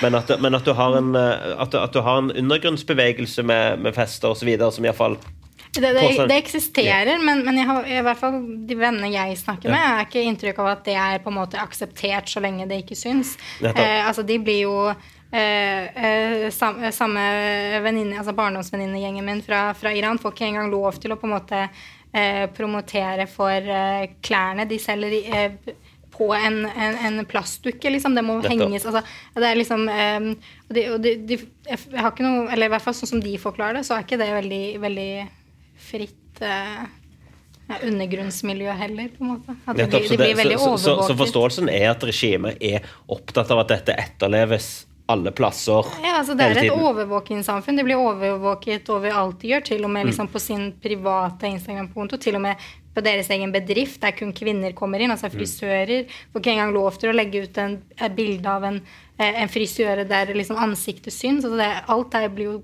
kontrollert. Eh, Mm. Eh, eh, en annen ting sånn, fra, fra, fra hvis du kan kalle det svogerforskning av, av det jeg har hørt, da, som er interessant for å høre hva, hva, hva, du tenker at eh, En forskjell da, ble det påstått for mellom Pakistan og Iran når det gjelder den religiøse dimensjonen, var jo at i Pakistan så hadde du altså, altså Både i Pakistan og Iran så var det mye så offentlig. Det var viktig å være religiøs. Men at forskjellen mellom pakistanere og iranere var at pakistanere fortsatte å være ganske religiøse når de kom hjem på privat, mens iranere var i mindre grad det. I hvilken grad vil du si Ja, bare, det du stilte Sevda spørsmål om, Ja. synes jeg var interessant. For jeg tror inntil eh, for litt, noen år siden så var dette med festing nesten et klassespørsmål. Kunne du kjøpe deg ut av det, Ja. eh, så var det greit. Og når man ser på konkret eksempel, da. Eh, iranske revolusjonsgardister reiser til eh, Thailand for å planlegge et terrorangrep mot, mot eh, jødiske mål i Thailand. Ja. Hva er det som gjør at de driter seg ut? Beklager uttrykket. Det er at de drikker seg veldig berusa og henger med thailandske prostituerte og prater seg? Altså, det, det sier seg selv at det, det er liksom ikke alt er ikke som det syns, da, for å si det litt sånn. Eh, eh, og en annen ting som er interessant i Iran, er at når man ser på iransk undergrunnsmusikk, så er det litt kult. Iransk rap, eh, som jeg hører litt på innimellom eh, når jeg orker, så, så, så er det ganske mye som foregår. Du har både iranske hard, eh, hardrock-band, du har, du har black metal-band du har, du har, så, så Ting foregår i bakgrunnen, og ting kommer jo ut etter hvert. Men jeg tror det har endra seg iallfall siste to åra, når man har sett hvordan det har gått. Og En periode så var det jo også liksom, diskusjoner rundt dette med tildekning av kvinner, selv om det er kanskje kjernen i den islamske revolusjonen. Det mest synlige du har, er kvinners tildekning. Det er liksom Suksessen for iransk revolusjon er at alle dekker seg til, nesten. Eh, Men, men det, det tror jeg har endra seg, for man ser at ved å gi ungdommen en smak av dette, så vil de ikke nøye seg med det. Men det er fortsatt et, et klassespørsmål. i hvert fall Når du ser noen av Instagram-videoene som, som Sevda peker på, eller videoer generelt sett av iranske overklassen i Teheran. Eh, så er det jo interessant. altså. De, de lever eh, betydelig bedre enn deler av norske overklassen. vil jeg påstå. Har du sett den Apple-serien Terran? Ja, Der har du de festene. Ja, ja, ikke ja, har sett det. Det, det, det er, ikke, det, er ikke, altså det, er ikke, det er ikke mangel på muligheter til å feste i, i Teheran. Jeg tror hun har ikke vært i Iran på 33 av 4, jeg husker ikke hvor gammel jeg er engang. Jeg har ikke vært der på mange mange år. Siden 1988. Det er jo da 35 år siden. Eh, Men, men at det har endra seg, er- har nok skjedd. Men det er igjen et spørsmål om klasse og klarer å kjøpe deg ut av det eller ikke. Det, det, det er det ene. Eh, Og så hva stilte man egentlig spørsmål om? Om det religiøse Ja, dimensjonen. det religiøse dimensjonen er jo ganske interessant. Eh, når man ser på iranere i, i USA, og spesielt borte i California, der det er ganske høy irantetthet av iranere, så samles de for å feire disse islamske høytidene. Men det er ikke feiring av høytiden, det er bare party de er ute etter. de samles, og det er liksom et eller annet som skjer der. Ja, ja, så spiser de litt, og så, og så sier de et eller annet, så er det sånn festen som, som er greia. Så iraneres forhold til religion er jo også det som man synes fra pga. gammel persisk tradisjon at man er liksom ikke sånn urmuslimer eh, som sådan. Man har, noen iranere er veldig troende. De kan faktisk til og med be.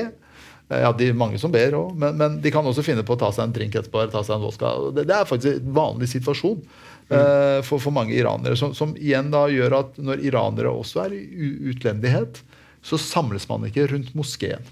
Det er ikke et samlingspunkt for iranere. Jeg leda Høyres mangfoldsutvalg, som det het, og nye velgergrupper. og sånn, så var det sånn, Hvordan møter vi iranere? Jeg bare, skal vi reise til en moské? Jeg, bare, jeg tror ikke vi møter en eneste iraner reise til en moské. Kanskje vi skal gjøre noe annet, reise en bar? Større sannsynlighet. Eller en ikke en liten bedrift. Eh, men- det er eh, Iraneres forhold til, til religion er nok litt mer som nordmenns forhold til religion, eller vestliges forhold til religion.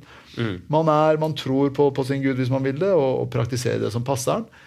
Men det er ikke et like stor eh, del av livet som, som, for, som for andre deler av folk i Midtøsten. Men det må jeg også si, du sammenligner med pakistanere. Det er også en faktum, altså en fakta som jeg har sett i andre deler av Midtøsten. Der eh, Egypt er kanskje et konkret eksempel. Tidlig 2000-tallet så utvikla seg en sånn trend der menn som ba, hadde merke etter den der steinen du ber på. For når du ber i islam, så ber du på en stein. Hadde det i panna, og så kunne jeg sitte på den der berømte baren eh, i Vetahrir-plassen. Og der satt de og drakk. Og så gikk de og ba. og så kom de tilbake. Så det er liksom dette med islam er også veldig flytende iblant arabiske befolkningen. Mm. Og, og ikke like sterkt som vi kanskje ser det her i Vesten. Hvis vi ser på det siste året, Sevda, altså etter drapet på Masha Amini, altså, som utløste den siste de siste eksemplene på voldsomme demonstrasjoner. Kan du ta oss litt gjennom det? Altså, hva, hva var det som skjedde? Hvorfor ble demonstrasjonene så voldsomme det- etter det? Uh, ja, det var Det var jo nyheten om at, om at Masa var på, det syk, på, på et sykehus i Teheran.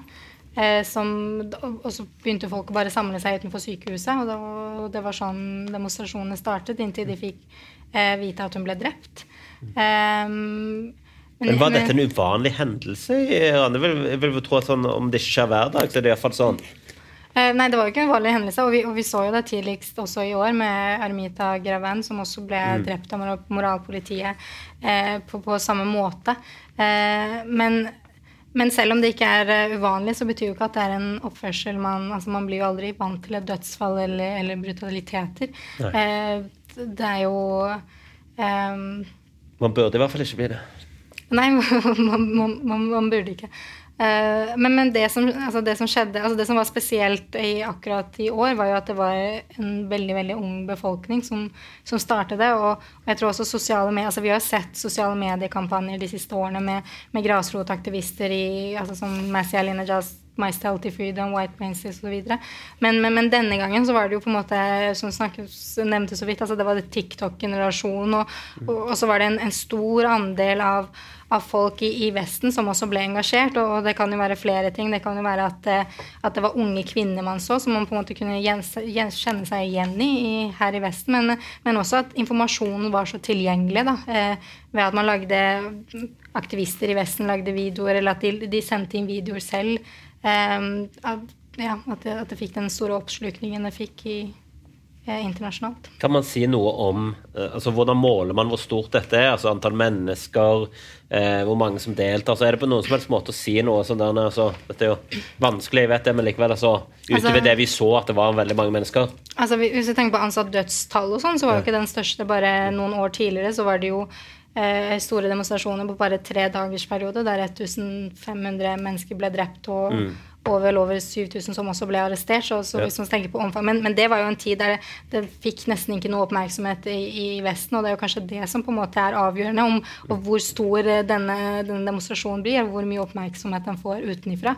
Eh, for innenfra så, så er jo folk klar over eh, situasjonen og omstendighetene, men det er på en måte det der håpet på at eh, de blir hørt eller sett, at det er at det de opplever, på en måte blir anerkjent. Da, at, som får det jo også til å, til å holde på videre. Og, og regimet blir jo også skremt av, av den oppmerksomheten som man da ikke ser, ser på dødstallene, f.eks. Og når krigen eller eh, i Gaza og Israel som begynte nå, så har jo henrettelsestallene gått opp igjen, fordi nå ser man ikke på Iran lenger.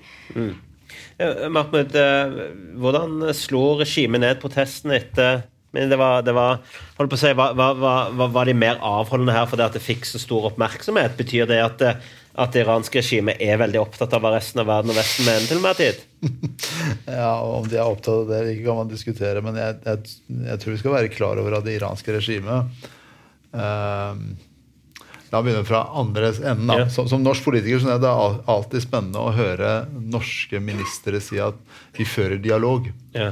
Eh, dialog krever en gjensidig forståelse av et felles mål, kanskje. til og med, Vi, har- vi fører dialog. vi, vi fører dialog. Litt, litt verre å sette seg ned med iranske ambassadøren og fortelle at de skal slutte å drepe unge kvinner.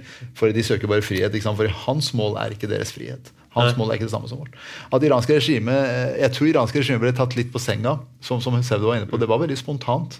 Det man så også, var at det var godt geografisk distribusjon. Det skjedde i by og land eh, i, i store deler av Iran.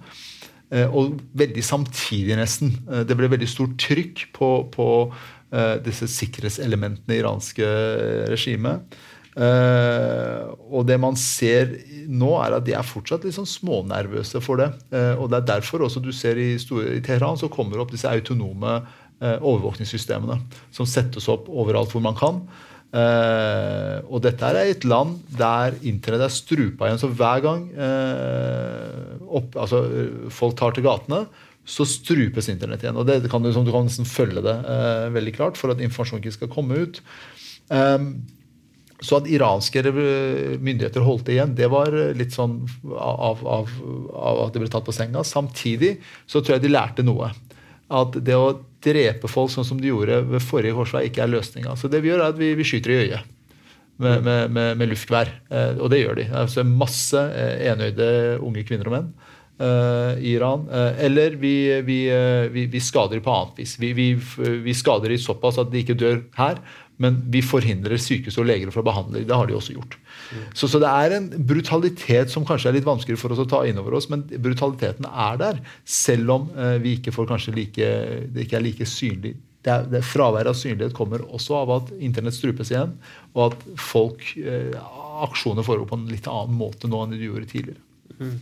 Ser vi da hvor stabilt er dagens regime? Altså, det, altså Revolusjoner tidligere og så videre har jo ofte overraska veldig mange med at eh, det som ser veldig stabilt ut, er plutselig ikke så stabilt eh, likevel. Eh, Jf. Sovjetunionens fall og, og andre imperier. Så, så det jo, eh, kan jo være et vanskelig spørsmål å, å svare på, men likevel, hva, hva er din vurdering?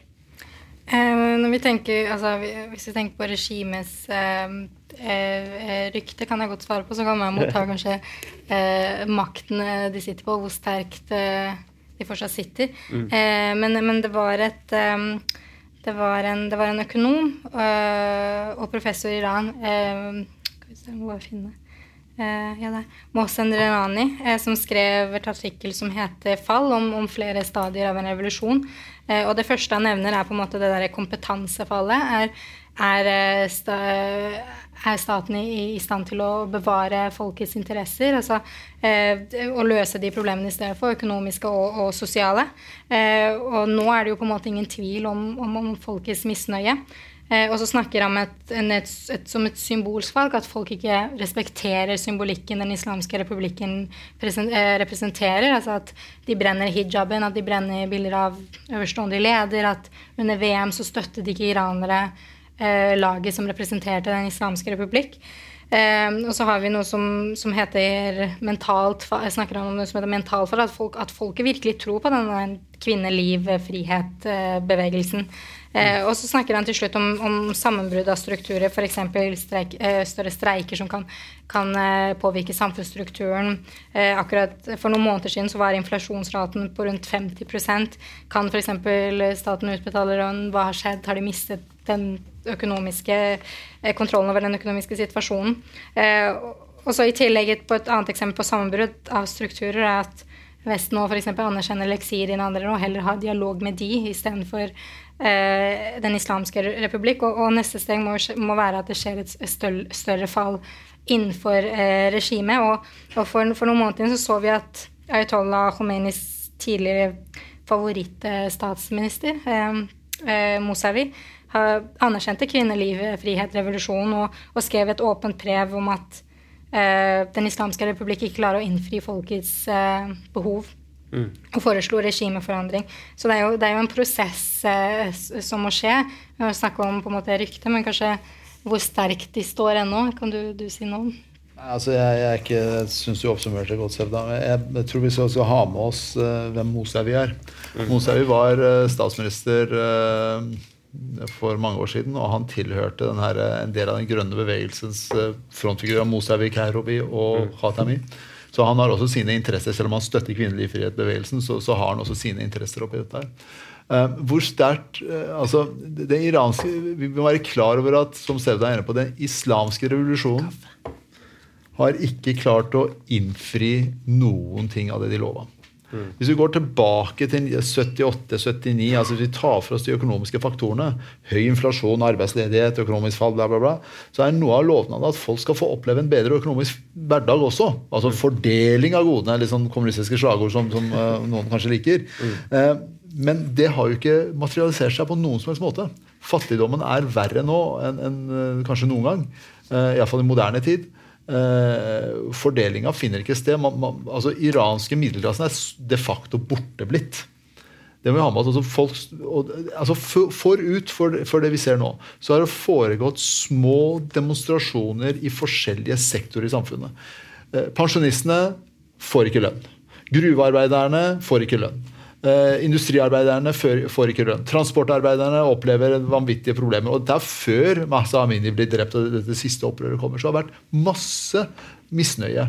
Så, så tenker jeg vi Som, som Sevda er inne på altså, man, man, brenner eh, man, man, tar Man påvirker revolusjon og, og islamske republikkens symboler. Man, man brenner i, man tagger i osv. Og, og det er et klart tegn på at folk har ikke trua på dette her. Så er spørsmålet hva skal erstatte det? Og hvordan skal dette, denne prosessen finne, finne sted?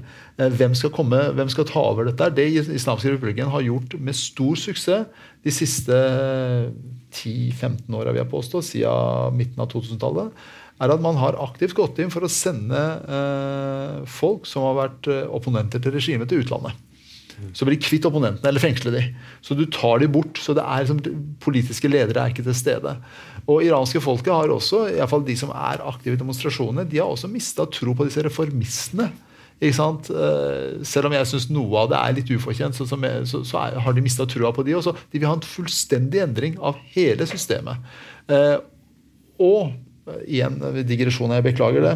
Nei, det er vi, det, vi har god tid. Vi har god tid. Hvis, hvis, vi går tilbake til 2000 og Vil du være med? Vil Apple være med? Være med. Hvis vi går hvis vi, går bra. Hvis vi går tilbake til 2000... Iranerne som hacka meg. ja, det ja, ja, da ødelegger stemninga her. Hvis vi går tilbake til 2012 og 2013, så var det snakk om at uh, Khameneis barnebarn var det vel, uh, som skulle komme og på sett og vis Khomeinis barnebarn. Khamenei, den øverste lederen i Iran, er ganske gammel og skrall. Og når du hører på talene hans bare, Du trenger ikke å forstå hva han sier på farsi. Hvis du hører på talene hans de siste 15 årene, så vil du høre at helsa hans blir dårligere og dårligere bare på stemmeleie, tone, han, hvor mye han, øh, si, volum på stemmen og sånn. Og det her har vært kjent ganske lenge, så da var det sånn snakk om å få inn barnebarnet til Khomeini. Hva skjedde? De klarte aktivt å gå inn og sabotere alt for ham, så han, han, er ikke et aktuelt tema. Så er det, altså, da, da, er det ikke noen flere av disse troverdige revolusjonsfigurene heller igjen.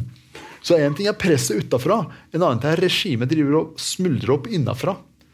Uh, og disse to faktorene, hvis de klarer på sett vis å merges, så vil vi, vil vi, se en endring. Og det jeg sier til iranere, både i og utenfor Iran, er at uh, denne revolusjonen eller dette opprøret er jo ikke ferdig når disse reiser.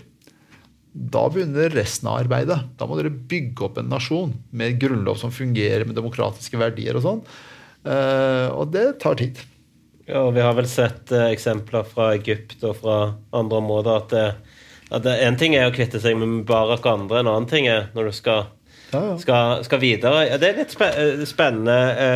Altså, hvor hvor samla er opposisjonen? Altså, man, man, kan være enig om at man vil ha vekk den islamske revolusjonen, men er man enig om hva man vil erstatte det med? Nei, og vi har vel ikke en opposisjon per, per i dag. Og så ser vi jo bare i, i, i lille diasporaen i, i, Norge hvor, hvor spredt det er. Du har eh, monarkistene, du har eh, kommunistene, og du har eh, Og, og selv, om, selv, om, målet Man skulle nesten trodd at målet var var det du sier. Men, eh, men, så er det noen ganger litt vanskelig å, å, å se det målet da, blant alle eh, konfliktene og, diskusjonene som oppstår om akkurat det. Mm. Uh, og uh, for, for, igjen å ta et eksempel av, av, hva jeg har hørt, så får du kommentere Mappet, om du er enig eller ikke. Eller, eller det, det, det, kommenteres ofte da at Iran er et mer pro-vestlig samfunn og en mer pro-vestlig befolkning enn en sin arabiske naboland. Eh, altså, du nevnte jo tidligere at, at eh, rapporter fra den amerikanske utenriksdepartementet om at de ble kasta stein på før revolusjonen osv. Nå er det jo en yngre befolkning som ikke husker revolusjonen osv. Altså, er Iran, slik som du vurderer den yngre befolkningen der, eh, pro-vestlig, hvor enn man forstår det begrepet der? Ja, altså Vi skal være veldig forsiktige med, med ting, men um, at iranere er proves, mer provestlige enn sine naboer, det kan være. Og det er hovedsakelig fordi dette regimet er så antivestlig. Mm. for å si det rett ut. Altså, jeg bruker alltid å si at jeg har blitt oppvokst fra barneskolen i Iran, første og andre klasse, hver morgen og rope ut hat og edel og galle. Systematisk mm. rop om død over USA, og død over England, og død over irakerne, og død over Israel. og død over det. Altså, Du har prøvd å bygge opp en forakt hos folk som de ikke er med på lag med. Mm. Ikke sant? Uh, og det er jo og Når man hører slagordene i gatene i Iran også i dag, så er det store deler av befolkninga roper jo ikke pro-palestinske slagord. De roper pro-iranske slagord. Uh, hva, hva, er slagord? Ikke, ikke, ikke, Gaza, ikke Libanon. Uh, jeg ofrer livet mitt for Iran. Så det er dette er folk roper i, i gatene i Iran. Når det iranske regimet maler israelsk og amerikansk flagg på bakken så folk skal gå over det, så går folk rundt det. Ikke sant? Og det er liksom sånn Man er ikke nødvendigvis kanskje pro-vestlig som sådan, men er anti-regime og anti det regimet står for. Men jeg tror også folk i Iran ser en, en verdifellesskap med, med, med, Vesten i mye større grad enn kanskje andre. Og det kommer kanskje tilbake til det religiøse altså verdisettet man har. Uh, og det er igjen tilbake til denne filosofien om at uh, man har vært eksponert for vestlig kultur i mye lengre tid.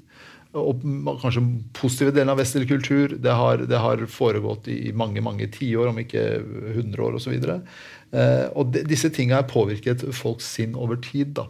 Eh, og det som er artig med revolusjonen, er at noen av de mest eh, hardbarka eh, eh Eh, hva skal si, tilhengerne av revolusjonen og liksom pådriverne, var jo folk som studerte i Vesten. Det var iranere som studerte i USA og i Frankrike og sånn, og, var der på statsstipender fra sjahen. Mm. Så det var liksom litt sånn spennende å tenke over også. Mm.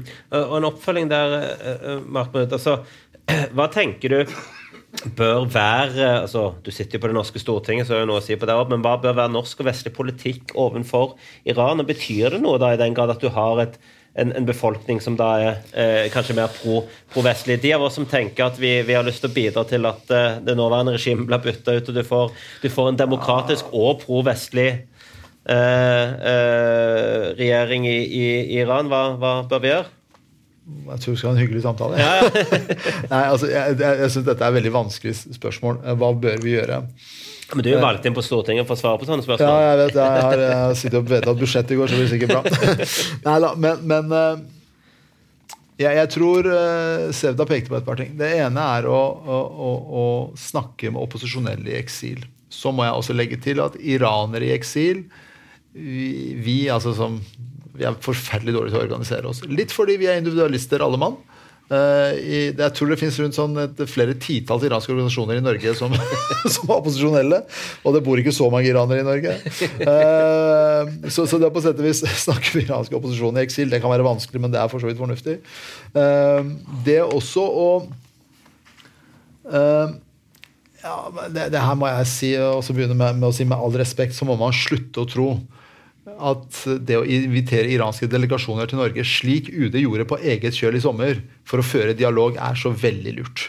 Mm. For det sender et klart signal til iranske folk i Iran og deres kamp at vi ikke bryr oss så veldig mye om det. Det som skjedde her i sommer, i juni, da to ansatte ved UD hadde invitert en liten delegasjon eller på hvilket, hvem sin ordre de hadde gjort det, får man finne ut av, invitert en delegasjon iranere med to høytstående iranske forhandlere og ble til Norge for samtale, og det ble avdekt før de var på tur i Frognerparken ved tilfeldighet.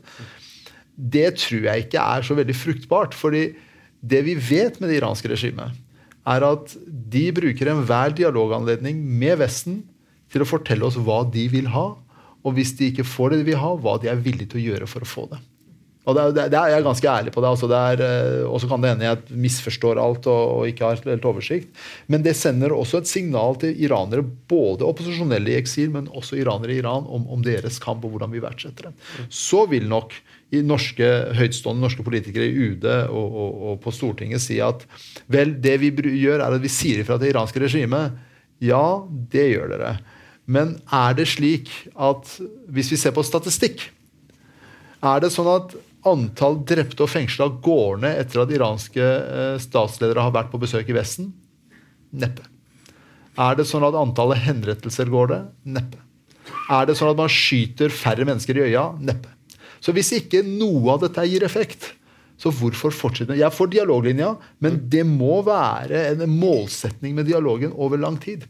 Eh, og så er jeg veldig tilhenger av målretta sanksjoner og ikke minst dette med å konfiskere eiendeler av, fra disse menneskene. Og iranske høytstående mennesker i iranske, eh, hva skal man si, iranske islamske republikken Deres barn bor i Vesten.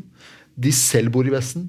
Deres ektefelle bor i Vesten. Deres søsken bor i Vesten. Og all, de, de, har kommet til Vesten med, med iranske penger iranske stats penger. Så det må jo gå an å sette i gang noen målretta sanksjoner mot de for å vise klart at vi ikke aksepterer det de driver på med. Men der har vi vært veldig tilbakeholdne. Vi sliter til og med å sette på en av ja, verdens største statssponsa terrororganisasjon, som er Revolusjonsgarden, på en terrorliste. Så det viste vi jo noen signaler. da. Mm. Sevda, hva, hva, tenker du om, om uh, hva vi i Vesten burde gjøre, eller hva, hvilken tilnærming man burde ha for Iran sett fra ditt ståsted? Enig med Memo. Mm. Eh, fryse de ut. Vi, altså mange, mange, snakker om at sanksjoner er, eh, er til skade for befolkningen. Men så, så, må man spørre seg hvor mye av de sanksjonspengene hadde faktisk gått til befolkningen, og hvor mye er brukt på infrastruktur, hvor mye er brukt eh, gjennom årene. Så, eh, så, om det er sanksjoner eller ikke, så, så, tjener ikke befolkningen på det uansett. Eh, mm. Eh, så jeg tror eneste løsningen er å fryse de helt, helt ut av verdenssamfunnet. Mm. Eh, blant de landene som jeg kunne tenke meg å reise til, som jeg ikke har vært i, er Iran og Teheran. Altså, og det, det, lanseres jo ofte som at det tross alt er ganske trygt der. da, altså, Det er lite kriminalitet, du kan oppleve mye. altså, Er, er, det, noe, er det noe jeg ikke burde gjøre? Eh, burde styrke det?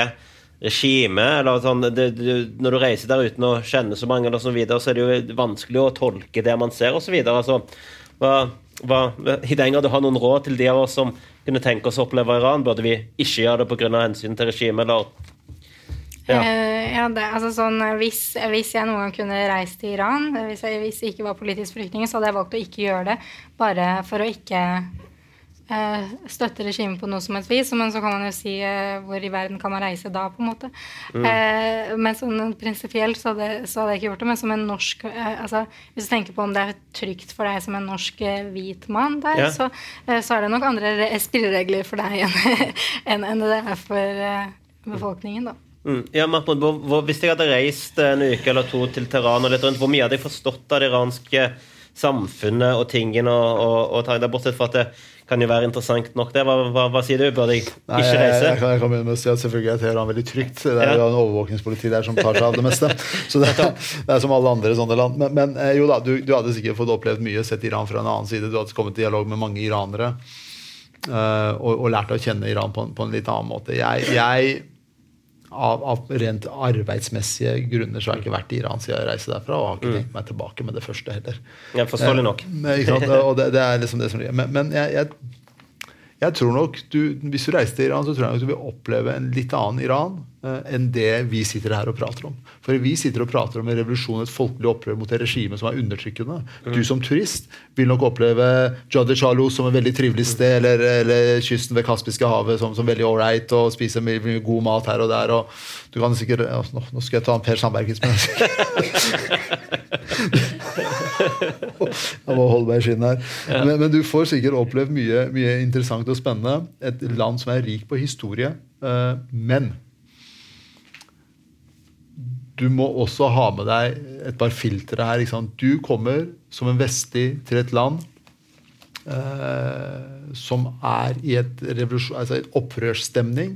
Du kommer sikkert ikke så mye til det, for du kommer ikke til å vanke i de distriktene og de gatene, og de er sikkert avlåst for, altså, Du holdes unna og sånn.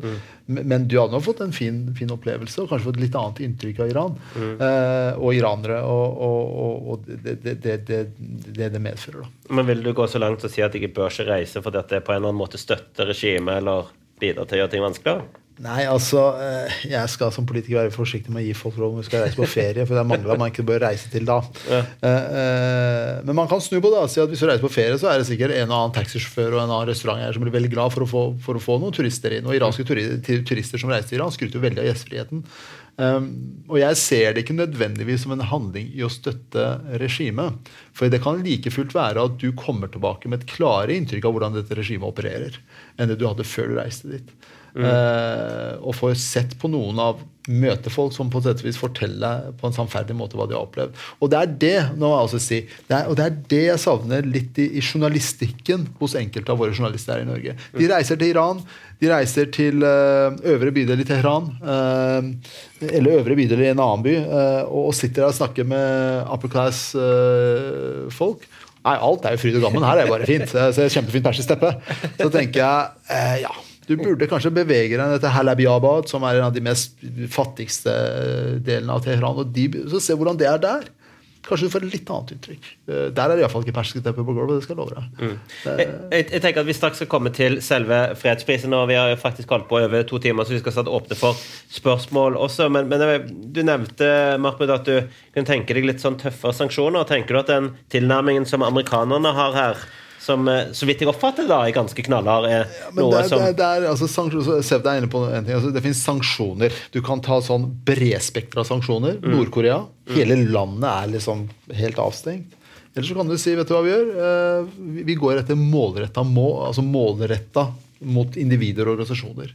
Du setter opp, og det har man begynt å gjøre etter hvert, du setter ikke bare opp ledelsen i revolusjonsgarden, men du setter opp deres barn, deres ektefeller, deres søstre, deres brødre. Hele slekta settes opp. Eh, Og det gjør du med samtlige individer som ligger på toppen av lista. Eksempelvis en av Canadas uh, var Eh, han, var den næringsdrivende som hadde produsert flest arbeidsplasser i Canada, eller nest flest, eller noe sånt, eller en eller annen by.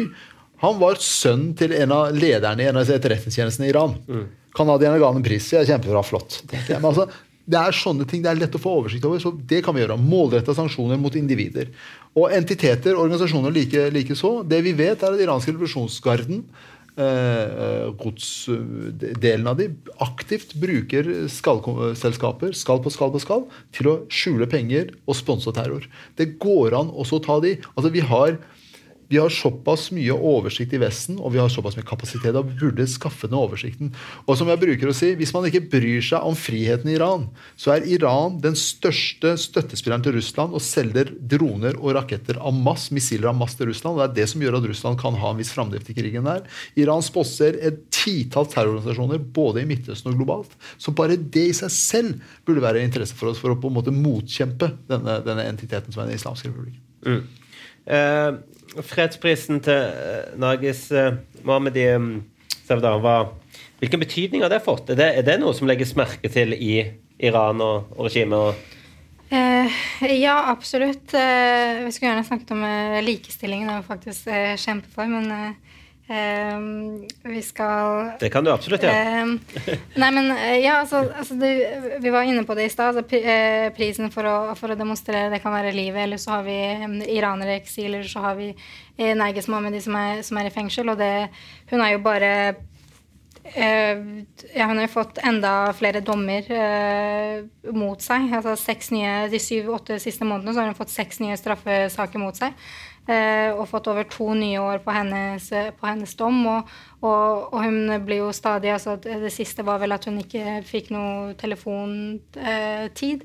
Eh, så, så, den prisen og de intervjuene hun på en måte smugler ut, er jo med på å å, å, legge press på henne, da, men, mm. men at, at, det betyr, at, det betyr, noe større, at det har en større betydning og anerkjennelse, anerkjennelse det, har det, jo, det har det jo absolutt. Altså hun, hun representerer jo alle de over 20 000 menneskene som vi ikke har navnet på, som, som, sitter i fengsel, og alle de tusenvis som vi ikke, ikke vet sitter i fengsel. Så, så, den store anerkjennelsen er jo der, da, men hun ja, hun, hun får, jo, får, jo, oppleve det. Men, men hun, også, hun, skrev jo i New York Times at, at når hun det siste året har på en måte sett unge kvinner gjøre det samme som, som, hun, som, som, hun, driver med, så skriver hun at hun på en måte er nærmere hennes feministiske mål. da. Mm. Hva tenker du, Mahmoud, om eh, hvilken betydning har denne fredsprisen hatt? Um, jeg tror fredsprisen i seg selv er, uh, er viktig. Det er mange dimensjoner. Det ene er at man viser at man ser det som skjer i Iran. At man ser bevegelsen. Og man ser Nerges Mohammed, Mohammed i sin innsats for kvinners rettigheter i Iran. Og med det så, så, man, erkjenner, erkjenner, man også at kvinners rettigheter i Iran er eh, ja, på et, langt ifra det vi aksepterer. Eh, det er en del av det. Eh, det andre er å sette fokus på, på alle de som på er aktivister og kjemper for grunnleggende menneskerettigheter i Iran og blir fengsla, og den behandlinga de får. Og det tredje er faktisk at vi ikke glemmer det som foregår i Iran. Det, det, hjelper oss. Og så må jeg legge til at Det er ganske interessant å se at det er andre gangen en iransk kvinne finner fredsprisen. Uh, og det sier i seg selv noe om den krafta som ligger i iranske kvinner i Iran, til tross for de begrensninger som ligger på dem. Uh, og det hjelper oss med å huske på den kampen som er stadig pågående i Iran. Både fra, for politiske fanger og politiske aktivister, men også for kvinnerettsaktivister. Og ikke minst denne kampen for grunnleggende menneskerettigheter som, som, har pågått i Iran i lang lang tid. Så vi ikke glemmer det. For jeg er liksom litt bekymra for at nå går iranske ungdommer, kvinner og menn i gatene og, og, ber for sine grunnleggende rettigheter, og så glemmer vi det fordi det er en konflikt et annet sted. Så dette vil hjelpe oss med å holde frist i minnet. Og det tror jeg plager, eller det vet jeg plager det iranske regimet veldig. De har jo til og med tatt kontakt med eh, eh norske politikere, høytstående politikere og hatt møter hvor de har påpekt at de, de ville helst eh, at man ikke skal delta på nobelprisutdeling og sånne ting. Så det, er, det plager de veldig. Og det må jeg si jeg er veldig fornøyd med. Ja, ikke sant? Er det noen som ikke kommer til å stille opp pga. det, tror du? Nei, jeg tror nok folk kommer til å stille opp bare i trass igjen nå. Ja, det, det er smart. Eh, Sevda fikk jo også Shirne Badi fredsprisen i, i, 2003, var det vel. Eh, hvilken betydning fikk det? For den, eh, Man kan jo bli litt deprimert at ja, ok, det får litt betydning med en gang, og så fortsetter bare regimet som, som før. Er det litt, er det litt det vi kan forvente nå òg? Altså, altså Presteskapets vurdering av, av, hva som på en måte er forventet av en muslim, og hva som er av samfunnets interesser, har, har vi jo sett kollidere veldig med virkelighetsforståelsen eh, i Iran. Men, men, men jeg, altså, de, de, altså, i alle talene så skylder jo dette, dette på, på eh, uten utenlandske krefter og osv. Så, videre. så mm. Så det kan jo hende at dette også om en stund, når det, det roer seg ned, også blir feid bort. Og så fortsetter man sånn i noen år til inntil man kommer til det punktet der de eh, faktisk kan, eh, kan, styrte. Men, eh, men, men, det virker, altså stemningen virker jo ganske annerledes nå enn, enn det det var før. Også i tillegg til eh, demonstrasjoner som nettopp har vært, med, de, med, de, med de, store, voldsomme internasjonale reaksjoner. Men, men, også denne prisen som på en måte var på en måte Eh, på toppen av det hele, da, som, som, som anerkjente. Mm. Hva, hva, vil du si, Mahmoud, hva er betydningen av Shirin Ebadi sin fredspris, uh, om noen? Uh, det er såpass lenge siden, men, men, det satte også fokus på situasjonen i Iran uh, for, for, for, politiske aktivister. Og det tror jeg faktisk var Prisen til Badi kom på et tidspunkt der det kanskje svei litt, litt mer, for det var første gang en kvinne fikk det. og sånn. Mm.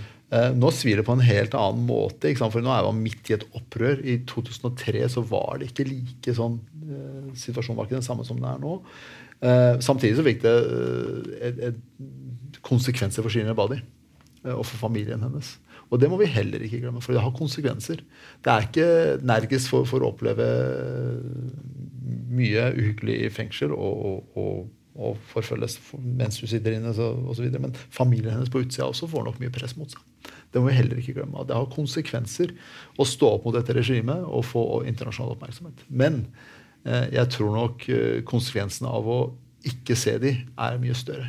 Si, om man ikke hadde sett Shirinebadis innsats eller sett Nerge sin innsats, så tror jeg konsekvensene hadde vært større for det iranske folket.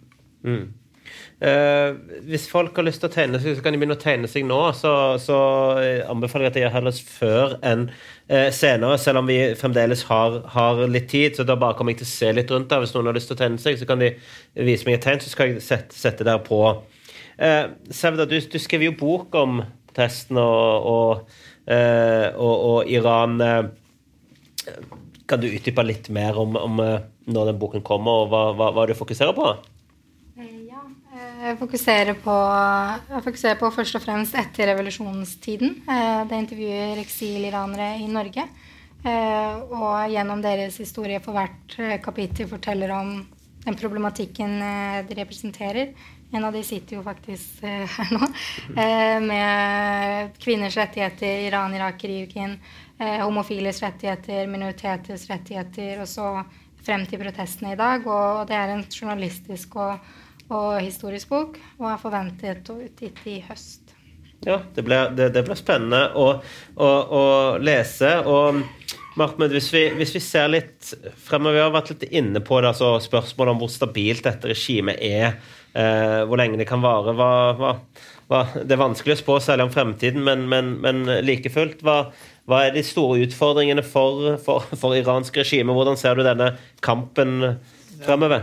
Alle regimer er stabile inntil de ikke er det. Så enkelt ja. er det. Så uh, vi, vi, satt her og trodde at Sovjetunionen kom til å vare inn i evigheten, så falt det liksom uh, helt uten at vi fikk det med oss.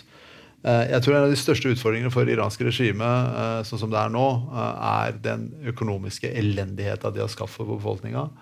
Hadde de klart å ha stabil økonomi, så tror jeg støyen har vært mindre. Men det klarer de ikke, fordi det er som alle andre nepotistiske systemer, så, så imploderer til slutt. Fordi det er så mye korrupsjon. Og det er jo samme måte som samtlige tidligere imperier har falt. Det er pga. denne de råtner fra innsida og ut. Eh, så det tror jeg er en stor utfordring for iranske regimer. Samtidig som, som, de har en indre problem, så har det skapt seg et ytre problem. Eh, de har eh, Gjennom de, de pågående regionale kriger de involverer seg i, så har de klart å skaffe fiender overalt. Og det, er, det påvirker de også. Og de har blitt, de har blitt en sånn ikke en vasalstat, men de har endt om å bli så avhengig av Russland og Kina at det også påvirker deres handlingsrom. Eh, så det iranske regimet har, har, både ødelagt massivt for seg selv internt, økonomisk og, og fri, altså det, det, si, menneskerettighetsmessig, men også utenfor landets grenser må skaffe seg så mange eh, problemer at at man har blitt avhengig av Kina og Russland. som sagt. Eh, med det, med, Men med det sagt da, så, så er jeg liksom sånn, prøver å litt edruelig å si at dette regimet faller ikke i morgen. Det kommer til å ta tid. Opprør, uh, press utafra kommer til å erodere bort på deres uh, fundament. Og de faller, men jeg tror når de faller, så tror jeg ikke vi, vi kommer til å være så Det kommer til å komme overraskende på oss da, tror jeg. Mm. Eh, som sagt, jeg, har ikke, jeg tror ser godt nok til å se hvis det er noen som, som ønsker alltid litt, eh, litt, eh, noen som er litt skeptisk til å være først ute, men det, det anbefales iallfall hvis det er eh, spørsmål. Eller så kunne jeg tenke meg å, å følge opp litt med, med, med, litt geopolitikk. Det er jo litt i området for deg iallfall, eh, En ting som jeg, som jeg, Når jeg har diskutert Iran med, med diverse folk, og spesielt den der atomavtalen som USA eh, EU hadde med, med, med, Iran, som jo var under Obama, og som ble tatt bort under, under Trump. Eh, og, og noe av argumentet der altså, Det som Obama sa, var jo at dette var ikke en avtale for å sikre menneskerettigheter i Iran. Det man være enig eller uenig Det var for å hindre at dette regimet for atomvåpen, som jeg i utgangspunktet tenker er en, en god idé. Uh, um, hva, hva, tenker du om den tilnærmingen man skal ha til regimet? Du sa jo sånn dette, du er tilhenger av dialog, men ikke har noen illusjoner her. Burde man få på plass noe for å hindre uh, dette regimet i å få atomvåpen, eller burde man bare stå klart og, og, og, og heller stå på kritikklinjene, sanksjoner osv.? Ja, det er et uh, vanskelig balansegang, spesielt når man sitter her og skal snakke om fredspris for menneskerettigheter. uh, fordi på den ene sida så er jeg nok helt enig i å forhindre Iran i å få atomvåpen bør være et uh, hovedmål. For har de atomvåpen, så blir også det å pålegge de press på andre områder svært vanskelig. og vi vet Iran, iranske republikken og revolusjonsgarden med de ambisjonene de har, både lokalt, altså i Iran, regionalt i Midtøsten og globalt, så vil atomvåpen og kjernefysiske våpen i deres hender være ekstremt problematisk. For det kommer de til å sende videre til sine venner og bekjente. for å si det litt sånn enkelt. Samtidig så er det en annen del av altså Nå dro du på atomavtalen. som jeg sier at Atomavtalen var jo veldig bra, det, men i den atomavtalen så lå det bl.a. ikke noe begrensninger på utvikling av raketter. Og Irans mest potente våpen nå om dagen er jo rakettene de har produsert selv og eksportert til gitt til Hizbollah og gitt til Hamas. Det er disse rakettene det er kortdistanseraketter. Det er samme type raketter og droner som bruker Houthi-ene som Iran har utvikla. Så begrensning av atomavtalen var på atomavtalen. Andre ting lå ikke innunder, og det var kanskje en av disse hoved eh, eh, kritikken av Trump, hvor han ville ha inn disse systemene. Om Trump var den som tenkte på det eller ikke, det vet jeg ikke. Altså, men det var, det var der det var. Eh, men, men det er vanskelig, fordi fordi, det er vanskelig fordi Iran har kommet til det stadiet iranske republikken, islamske republikken har kommet til det stadiet det er, det er litt krevende å motta, altså gjøre, gjør noe med dem. Vi, har, vi fulgte ikke godt nok med på 90-tallet og 2000-tallet, da vi hadde mulighet til å påvirke dem enda hardere. Så det har medført de siste 20 åra eller 15 åra så har de fått utvikla disse systemene, og nå, vi, nå sliter vi litt mer. Eh, men man må kunne finne en balanse, og hvor den balansen er, det vet, jeg faktisk ikke. Eh, noen vil si at vel, mens USA og, og andre land påfører, mens USA påfører seg sanksjoner med atomprogrammet, så bør europeiske land prøve å tilnærme seg for å snakke om menneskerettigheter. For vi har ikke samme balansen. Spesielt Norge. Ja, det kan være en løsning. Eh, men, men, men, vi må også være klar over at eh, all dialog med Iran uh, brukes i propagandahensyn. Uh, og, og, har en konsekvens, det også, for de bevegelsene som er i Iran. Mm. Ser vi det, Jeg vet ikke om det er noen tanker eller noen meninger om, om vi, Vesten burde tilstrebe en atomavtale med regimet eller ikke? Jeg tror jeg skal som journalist være litt forsiktig med å si akkurat sånn det. ja. Så ikke, ja. Jeg har, ikke, jeg har ikke noe å legge til det foran altså, men uh, ja. Nettopp. Jeg noterte meg uh, på Du får en mikrofon rett bak der, og så er det også mulighet for andre å tegne seg. Uh, hvis noen har lyst, vær så god. Ja. Det er Renhold. Jeg lurer litt på om dere kan fortelle litt om diasporaen. Hvor er de, og, hvor, og hvem er de? ikke sant? Og så lurer jeg også på hvilken kontakt har diasporaen med Eh, med iranere. Eh, ikke sant? Og så lurer jeg på hvordan eh, regimet ser på, der, på dere, da, de diasporaen. Mm. Du kan starte med deg, Sev. da. Jeg tipper regimet ikke så, ser ikke på deg som er, med så veldig blide øyne. Nei, jeg har faktisk ikke fått noe denne runden, faktisk. Jeg, fikk, jeg, har fått, jeg, har fått, litt før, men jeg har ikke fått noe denne runden. Um, ja, hvordan regimet ser på oss. Vi har jo de der, disse cyberspiene, som vi kaller de, som er et uh, eh, ja, masse folk bak tastatur som angriper, og det ser man også på eh, alle slags ny nyheter, altså engelsktalende eller om det er farsi. Eh, bare på Instagram er det jo helt eh, sinnssykt nå den siste tiden. Hvis du går på alle slags nyheter om Nerges eller om Iran, eh, så er det alltid eh, en hel haug med falske profiler, eller profiler som ikke har så mange følgere, som på en måte motsier det det eh, som har skjedd. Sånn som under Armita Graven, når hun døde, så var det jo utrolig mange sånne cyberspies som bare eh, Det var jo ikke dette som har skjedd. Eh, hun falt jo, eller og slo seg. Altså prøver å på en måte illegimitere den nyheten da, på en eller annen vis. Eh, og det, det, er jo eh, Sigurd Ferman som har vært veldig lenge i bildet og fått eh, personlig oppleve også.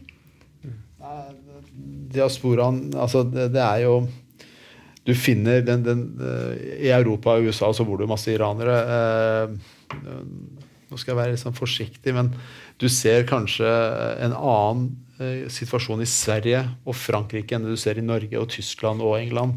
Der har du andre opposisjonsgrupper som er litt mer organisert, men som jeg vil påstå har ekstremt problematiske sider ved seg som også er litt sånn lite demokratisk anlagte, eh, som på sett og vis har, eh, organiserer gode demonstrasjoner. Vi ser noen spor av det her i Oslo også. Eh, de er nok et mye større mål for iranske regime. Jeg personlig opplever ikke så mye av det, og det, som politiker så hadde jeg nesten ja, det, det vil være veldig unntatt om de kommer til tilnærmer tilnærme seg meg. Men vi ser på PSTs årlige rapporter at de er veldig bekymra for iransk etterretningsvirksomhet i Norge mot, uh, mot uh, opposisjonelle spesielt, og det vi kaller flyktningspionasje. kaller vi det. Uh, så er det, det dette med på, altså, hvordan regimet ser på de, er, jo det jeg sier. Altså, de, prøver å undergrave de og påvirke de, men denne cyber er jo interessant. en av disse enhetene i cyberhæren har navnet Ajax operasjonen mot Mossadegh het Operasjon Ajax. Mm.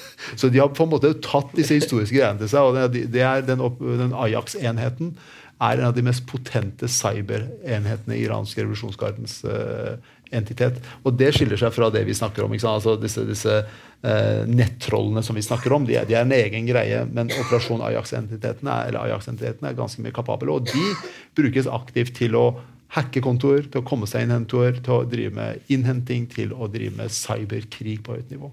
Og at iranske opposisjonelle i eksil utsettes for disse tingene, er det ingen tvil om. Da noterte jeg borte der. Vent to sekunder, så får du en mikrofon. Det er også mulighet for andre å tegne seg hvis de, hvis de ønsker det. Rett bak deg nå. Ja, hallo.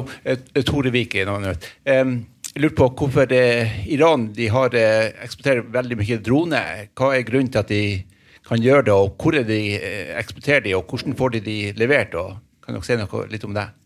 At, at droner, at, de, at de, eh, Iran produserer så mange og selger så mange droner rundt omkring i verden. Mm. Hva er det som er grunnlag til det? Eh, til, til, tross for sanksjoner så kom de altså når, når, Iran gikk inn for å utvikle eh, rakettprogrammet, så var altså rakettprogrammet var starten her, der de på sett og vis eh, hadde et doktrine med å, med å møte revolusjonens fiender lengst mulig iransk, unna iranske grenser. Da kom rakettprogrammet. Og det de gjorde var at de bygde, altså Iran har altså Når man ser på statistikk, så utdanner Iran ekstremt gode ingeniører. Det gjør de. Det har de gjort i, i mange, mange, mange år. Uh, de utvikla rakettprogrammet eh, med mye sånn De kjøpte helt vanlig hyllevare, tok med til Iran og brukte noe av det i, i styringssystemene på rakettene.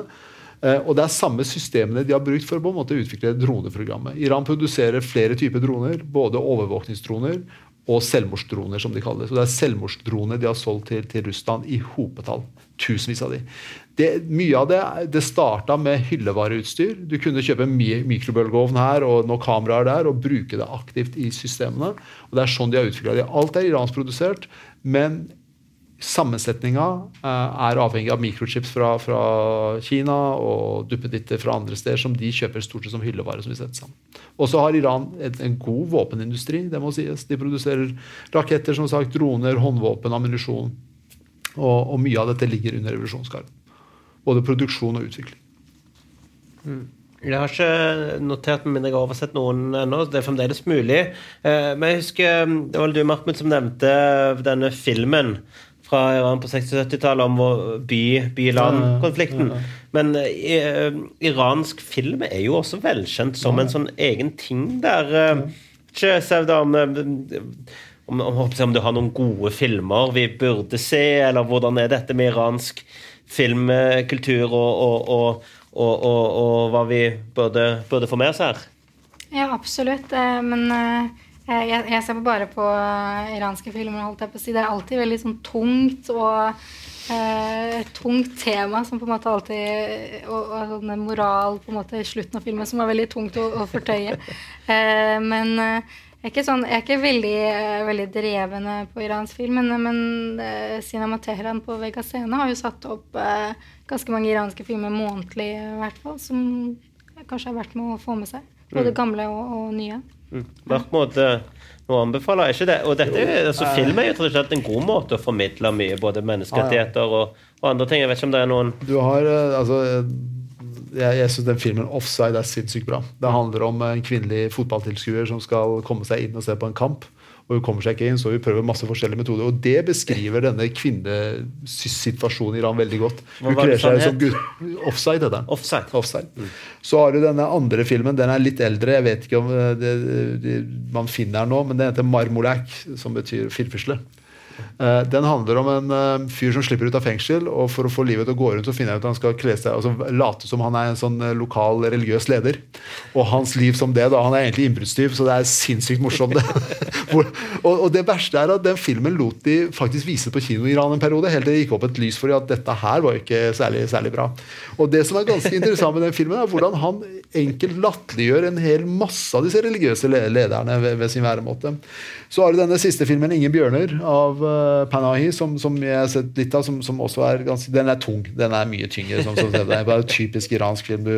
Og så har du jo denne Taxi Teheran, er det det heter? Mm. Som også handler om dette fyren, ektepar eller hva det er, som kjører taxi og sånn. Men, men, det er mange iranske filmer, og Sevda er nok inne på noe vesentlig. Veldig mange av de, det er tunge, altså. Det er sånn veldig kunstneriske. Men iransk film gjør det ekstremt bra globalt. De vinner jo disse bjørnene her og der skal jeg si, og priser på Cannes. Så ja, hva, hva, er årsaken til det? Nei, de, det er jo det eh, De klarer å formidle samfunnskritikken med de enkle midlene de har, mm. og komme seg under radaren. Og det er ekstremt mye samfunnskritikk i iranske filmer. Men hvis dere er interessert, så er det en serie, men den vet jeg ikke om finnes med, med, med tekst. Den heter Paitacht. Det er en moderne serie som handler om sånn familie som bor i Nord-Iran, og deres liv. da, Men den tar også for seg en sånn interessante situasjoner i familieliv og samfunnsproblemer. Den har vel seks sesonger, og så vet jeg ikke om den fins med tekst, men det er veldig, jeg fant det veldig underholdende. Ja. Uh, jeg noterte de som sitter der. Skal du få mikrofon også? Og så er vi ja, Vi begynner å nærme oss tre timer, men det er fremdeles mulighet hvis noen har lyst til å, å, å stille spørsmål. Vær så god. Eh, tusen takk. Først uh, skal jeg takke alle dere tre som er på det korte tid, som forklarer veldig mye. Eh, og det er veldig mye eh, ting som dere har eh, lest spørre. At alle de temaene som jeg tror eh, trenger veldig mye mer tid for eh, både historisk, kultur, forskjellen på alt sammen, som er veldig mye. Og Men eh, akkurat per i dag som er en del iranere som bor her i Norge. Og det, når vi ser på historisk Jeg skal spørre en liten spørsmål som er litt forsiktig, men det er ikke meningen. Norge er en av de beste land som jeg bodde. Og jeg takker både Norge og befolkningen i Norge. Og det synes jeg at eh, hvis man skal se på norske historie per i dag, da kan ikke finnes en eneste norske som er eh, flyktet fra Norge pga. politisk eller eh, frihet. Og det er stor forskjell mellom vi iranere som flyktet pga. den temaet, og en norske. Og alle de iranere som er per i dag, vi skal bare si at være forsiktig. Hele verden, være forsiktig. Fordi den som vi har opplevd det i mange år, i hvert fall i de siste 45 årene, da vil ikke at alle andre land som er uh, fri, går og opplever. For det er veldig, uh, en veldig dårlig opplevelse, på en måte. Eh, som en eh, iransk kvinne jeg vil gjerne spørre både Sevda, som er en ung kvinne, og eh, Mahmoud, som er en ung mann, eh, hva dere anbefaler. Eller hvordan vi kan bare bevise hele verden som eh, vi også hadde ønsket at vårt land, akkurat som Norge hva, skal, hva kan vi gjøre fremover til å bevise at det var ikke lett å En iransk regime som begynner å blir vokset opp i hele verden. Det er veldig, veldig eh, farlig for hele verden, ikke bare iranere. Takk. Du satte seg da. Jeg tror, jeg tror mye har skjedd på, på det siste året. Jeg husker de første artiklene av Iran når eh, demonstrasjonene oppsto, så kunne man, sa man jo altså I de største norske mediene så, så kunne man ikke fast, fastslå at Iran var et diktatur engang i, i, i nyhetsoppslagene. Og det var kanskje første gangen jeg faktisk sendte mail til eh, journalister eh, på eget initiativ. For å på en måte, og da hadde vi diskusjon fram og tilbake, og da var det vi kan ikke fastslå at Iran er et autoritært regime. Eh, så jeg tror mye har skjedd på det siste året, og, og, og hvordan på en måte journalistikken har endret seg, hvor, hvor mye informasjon som har kommet ut. Det, det, er utrolig mange, og i hvert fall unge, som kan utrolig mye om Iran den, den, siste tiden.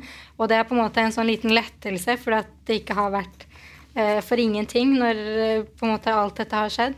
Um, Um, nå husker jeg, spør hva hva du, kan gjøre, på en måte. Men jeg, jeg tror også liksom iranske folk er, er, folk med masse traumer og uh, trust issues. altså Det kommer jo fra, fra det regimet man har flyktet fra. At det har vært uh, man, man, vil måte, man vil på en måte formidle det hele tiden. Og jeg tror kanskje én uh, ting som jeg syns som jeg skulle være forbedret, med, med spesielt med diasporaen, var at vi glemmer litt hva det ultimate målet på en måte er. og så, for, og så glemmer vi hvem målgruppen er. Er, er målgruppen f.eks. med disse demonstrasjonene vi lager, å informere nordmenn om hva som skjer? Eller er målgruppen på en måte å, å omfavne sin egen identitet, eller på en måte få utløp for de traumene man har hatt, da, og, og, og som er altså, valid i, i, så mange år.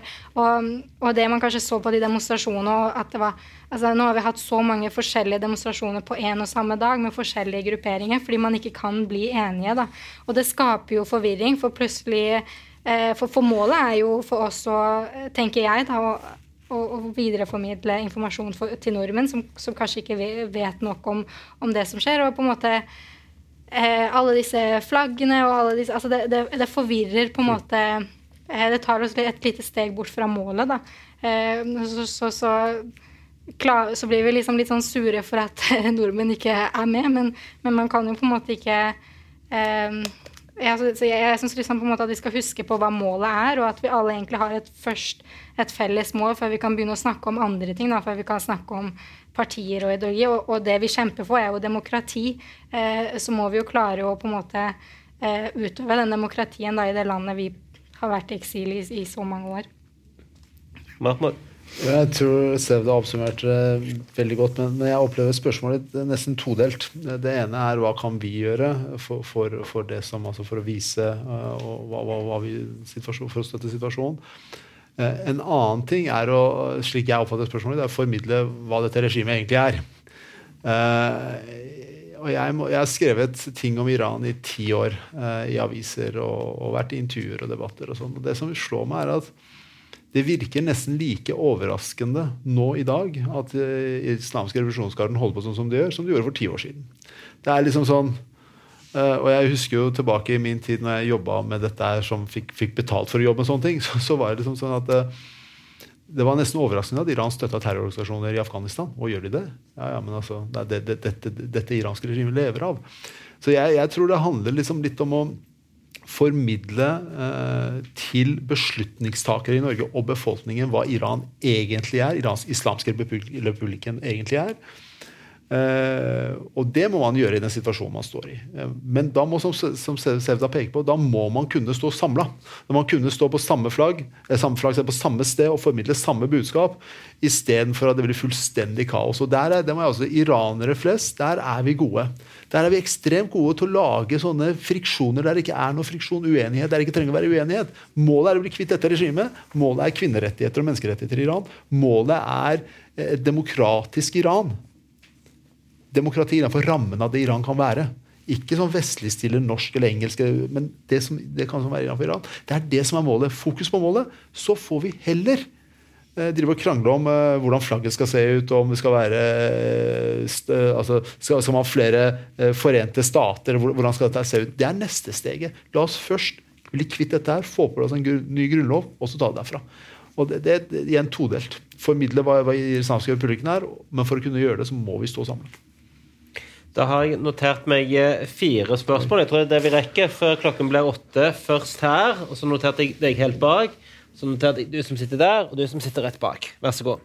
Jeg heter Solfrid Skaidan, og jeg lurte på har det blitt mye strengere i Iran siden 2007, og om det er mulig for vestlige damer å reise til Iran. Det er ikke sikkert dere kan svare, men om det har blitt strengere nå, er det strengere nå enn det var for 10-15 år siden å oppholde seg i Iran.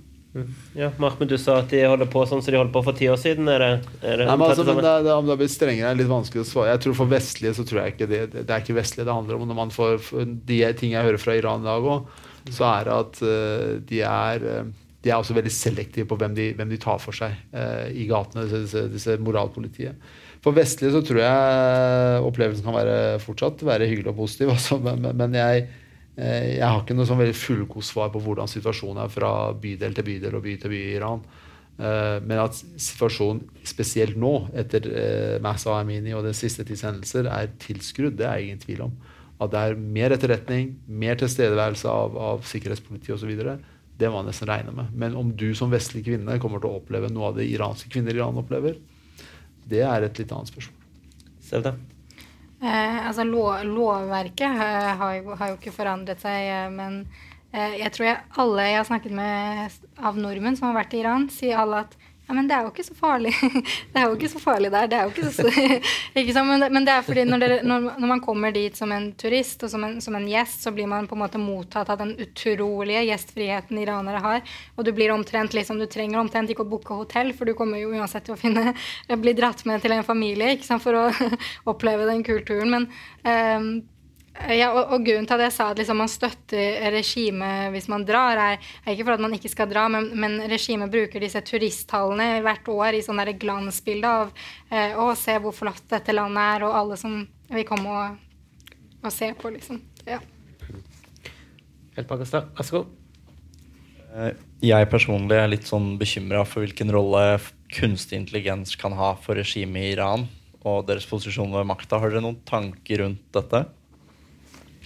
Ja, Nei, altså jeg, hvis, hvis, du spør meg, så ser vi allerede spor av bruk av kunstig intelligens i overvåkningssystemer bl.a. Uh, og for et totalitær stat som Iran, uh, som har så tett samarbeid med Kina, så vil kunstig intelligens være et uh, viktig verktøy både i overvåkning av egen befolkning, men utvikling av systemer for å påvirke sinnelaget i utlandet. Så Kunstig intelligens har sine fordeler, eh, men den har også sine drawbacks og ulemper. og En av de er jo det kan misbrukes, som alt annet teknologi. Det, er fullt og helt mulig. Og Iran, eh, iranske islamske republikken har fokus på disse tingene. her. De, de liker eh, duppeditter, de liker å utvikle sine egne duppeditter, og det kan vedde på at de er godt i gang. Mm. Noe å legge til seg, da? Ja, altså det og kunstig intelligens eller ikke. altså Den overvåking, om det, det, er manuelt eller ikke, er jo er på et helt sinnssykt nivå nå. Jeg har ikke så veldig mye kunnskap om hvordan det var for noen, noen år siden, men, men bare, bare, folk jeg snakker med selv, eh, kan jo omtrent ikke gå ut av huset sitt. Altså nå, nå er det jo en sånn eh, form for stille demonstrasjon der kvinner går uten, uten hijaben og mange av mine venninner har jo fått tekstmelding rett etterpå. Du har blitt observert der og der på det tidspunktet. Um, uh, så den, jeg vet ikke om det er manuelt eller om, om, det ikke er det, men det er jo helt uh, sinnssykt overvåkningssamfunn. Mm. Ja, det. Eh, Det var et spørsmål om revolusjonsgardens eh, posisjon eh, og avhengigheten eller maktforholdet mellom, mellom revolusjonsgarden og det å kalle det de, eh, de eh, religiøse. Og hvem er, Det er et gjensidig maktforhold, eller hvem er det som har styrkeforhold? Hvordan er styrkeforholdet, og hvem kan klare seg uten andre? Ja, jeg kan starte med å si at det, det var nok mer gjensidig eh, de årene rett etter krigen, altså på begynnelsen av 90-tallet. Nå er det nok sånn at uten revolusjonsgarden så eksisterer ikke islamske republikken. Det er så enkelt som det. De er veldig klare på det. De gir veldig klart uttrykk for det. eh, direkte og indirekte. Eh, de styrer eh, mye av innlandsetterretningen og innlandsstyrkene sine bruker på slående på opprør. Og de styrker alle Irans proxier. Så det vil altså si at de kan med sine proxier, Houthiene, Hamas og andre, holde vestlige unna Iran. Eh, og de kan slå ned det som er i Iran med, med det innland. Så uten revolusjonsgarden så vil ikke det være noe uh, islamsk republikk per se. Da vil hele republikken forsvinne. Og vi, det som er ganske morsomt med revolusjonsgarden, og fun fact, er når man ser på disse uh, Jeg har en sånn revolusjonsgarde-T-skjorte hjemme. Hvordan jeg fikk tak i den, er en litt annen historie. Men der er det sånn, de, de bruker jo denne, dette begrepet fra amerikanske spesialstyrker å frigjøre de undertrykte. Bare det står på arabisk. så, og de oppresso libre, eller hva det er. Det er sånn samme greiene. Så det er, ja. Den iransk islamske republikken er helt avhengig av revolusjonsgarden og deres entiteter for å kunne overleve. Det er min vurdering. i. Ja, ja, det er, ja, det er jo som alle andre sånne entiteter. Det er samme som uh, KGB, kan man si, hvor kommunistiske var KGB på slutten. Uh, hva var det som gjaldt? Var det egenoverlevelse, eller var det overlevelse av kommunismen? eller hva det var. Så de er noen ja, ved kjernen så er det det, men vi må også huske at revolusjonsgardens De som på en måte var med å starte dette, de som var pådriverne, de er også snart borte. Det er ikke så mange av de som er eh, i best, sin beste alder. Så, så her er skjer det også utskifting. Og de nye som kommer, har ikke med seg den revolusjonære arven. De tenker på andre ting. Eh, Sevda, hvis du har noe tillegg, så gjør, så gjør gjerne det. Men det er ofte, eller det hender at i sånne type autoritære systemer, og man snakker mye om hva som kan skje i, i Russland, hvor, hvor det ikke nødvendigvis er en, noen demokratisk revolusjon, men at du har noe opprør innenfra. Kan man se noe lignende i Iran? At det er noen som kan tenkes å kuppe det sittende styret, som ikke nødvendigvis er demokratisk, men som sitter høyt oppe i noen av disse maktorganene? Det er jo også alltid veldig vanskelig å se før det eventuelt skjer, men er det spenninger innad i dette systemet? Em, spenninger eh, det er ikke, ikke som jeg har fått med meg, i hvert fall. Det, det, altså, in, inntrykket er at de sitter ganske godt der de sitter. Eh, og de tjener ganske godt på der de sitter. Hva tenker du, Mark, med dere noen som har lyst til å ta steget til toppen, som sitter som nummer to nå, eller? Ja, det- For, for noen år siden så var det mye klarere at det var indre stridigheter. eh, Og det som denne, denne opp, med opprøret har gjort, er at det har på en måte konsolidert makta litt mer. Mm.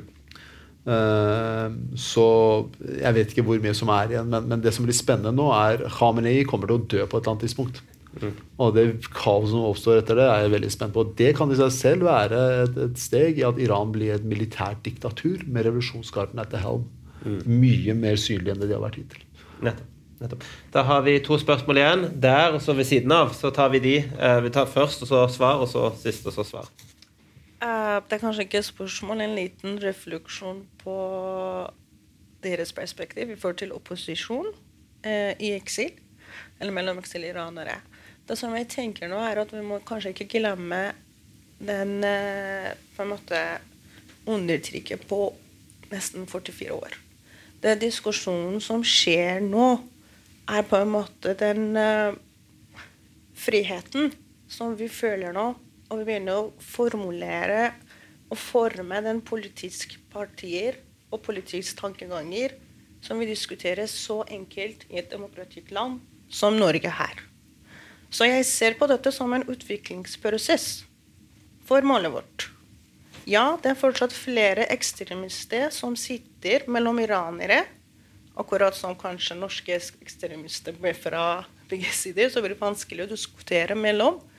Men det er flere faktisk som allerede har sittet sammen og driver mange forskjellige prosjekter og organisering, og det er det som også skjer ved siden av eller parallelt med alle de diskusjonene som er kanskje mer synlig i Twitter og Instagram og media. Uh, det var bare en liten perspektiv som jeg hadde lyst til å nevne om det. da. Ja, gjerne. Noen som har lyst til å kommentere? Eller? Altså, man, man skal ikke, vi skal ikke legge bort alt det arbeidet eksiliranere har gjort det siste året spesielt. Altså, eh, for noen år siden så var det jo nesten ingen som dukket opp på demonstrasjoner utenfor Stortinget. Det var 10-20 stykker. Eh, Men nå står jo står folk der hver eneste dag, og, og, og folk eh, står utenfor Jernbanetorget hver eneste dag. Altså, de, de organiserer forskjellige altså, debatter. Det, det, det foregår veldig mye. Og så er det jo flere grupper som er kjempeaktive. Altså, man skal ikke legge skjul på at det, det har vært mye bra, bra aktivitet. Eh, så jeg er helt enig i at eh, det kan være noen få enkelte som eh, kanskje kommer i veien. Men, men, men man ser jo de riftene da på en måte ute. Eh, og det er jo på en måte ikke til å legge skjul på det heller. Siste spørsmål. Det er Jasmin Brekstad. Um, først vil jeg takke dere. Tusen takk for dere deler informasjon med, med oss. Eh, Det var veldig nyttig. Jeg har et spørsmål. Sånn scenario, Hvis man skal lage sånn scenario etter hva skjer det nå? Hva nå hvis nå den regimet går unna? Altså kommer det ny? Fordi jeg ser Shans eh, sønn er veldig aktiv på sosiale medier. Ser dere for at eh, kanskje han kommer eh, tilbake? Ja, det var et interessant siste spørsmål. The Return of the Shah. The Return of the Shah. Høres ut som en god popsang, det. Ja, nei, altså det, Jeg skal velge å begi meg ut på en analyse. Norske politikere bør i hvert fall være veldig forsiktige med å spå hva som skjer i andre land. Eh, vi klarer så vidt å spå vår eget skattenivå her. Eh, nei, jeg kan, eh, jeg kan La meg si det på en annen måte. For å drive et land så kreves det i hvert fall et land som Iran med over 80 millioner innbyggere, med den arealet her, så kreves det massiv administrasjon. Altså, eh, jeg er veldig pro et effektivt byråkrati, eh, og upartisk byråkrati. Iran har ikke det. Så uansett hvem som kommer inn, så må det byråkratiet bygges opp fra bunnen av. For de har gjennomislamisert ideologisk hvert eneste departement til det vi på norsk kaller det ytre etat. Vil si selv skolene er politisk styrt. Eller ideologisk styrt. Eh, Så om sjahen kommer, eller noen andre kommer, så må de klare å få på plass effektivt byråkrati. Og det tar tid. Eh, Så hvis jeg skal si når dette regimet faller, så vil du mest sannsynlig få en mellomperiode med mye kaos og med, med entiteter som kommer til å grabbe seg makta. Du vil få mye uro over tid. Du vil mest sannsynlig se at enkelte deler av Iran vil, vil eh, Det vil være mer uro i enkelte deler av andre deler. Eh, og jeg må også legge til at etter den perioden så kommer ting til å gå seg til over tid. Uh, men det siste jeg ønsker å si, er at jeg er personlig allergisk mot at folk, skal, folk som ikke har vært i Iran, opplevd dette regimet, skal komme tilbake og bistå disse iranske folk. Jeg tror ikke de kommer til å ha legitimitet og troverdighet. Det kan hende jeg tar helt feil. Eh, Jeg personlig syns Pahlavi er en fin figur, han, han holder gode taler og sånn, men jeg tenker på legitimiteten blant det iranske folket. Det er det som blir på en måte litt sånn viktig for meg. Og det gjelder samtlige andre opposisjonsgrupper som har holdt til i Paris og Albania, hvor det måtte være i 50 år. liksom. Kan ikke komme tilbake og si 'Å, jeg er deres frelser'. Det, det tror jeg fungerer dårlig. altså. Så det må bygges opp fra bunnen av Iran, og så må man regne med uro over en periode før det blir, begynner å bli bedre.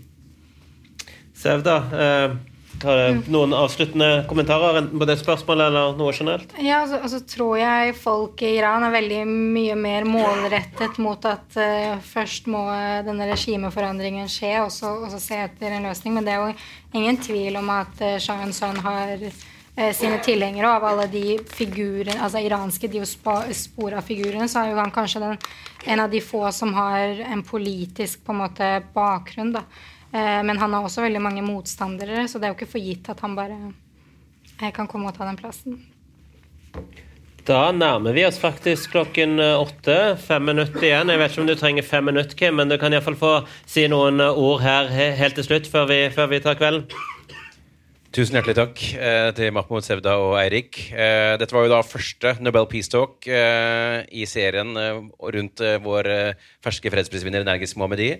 Dere så kanskje på veien at uh, vi er i ferd med å bygge en fredsprisutstilling. Den står klar for uh, publikum den 12. desember, så da er dere hjertelig velkommen tilbake for å oppleve den. Det er også mulig å komme her og se se fredsprisen bli delt ut i rådhuset. Da skal vi vise streame det her. Og uh, det kommer til å være veldig mange flere arrangement fremover, så følg med. Dere er hjertelig velkommen tilbake. Tusen takk for at dere kom i dag, og takk igjen til dere. Takk.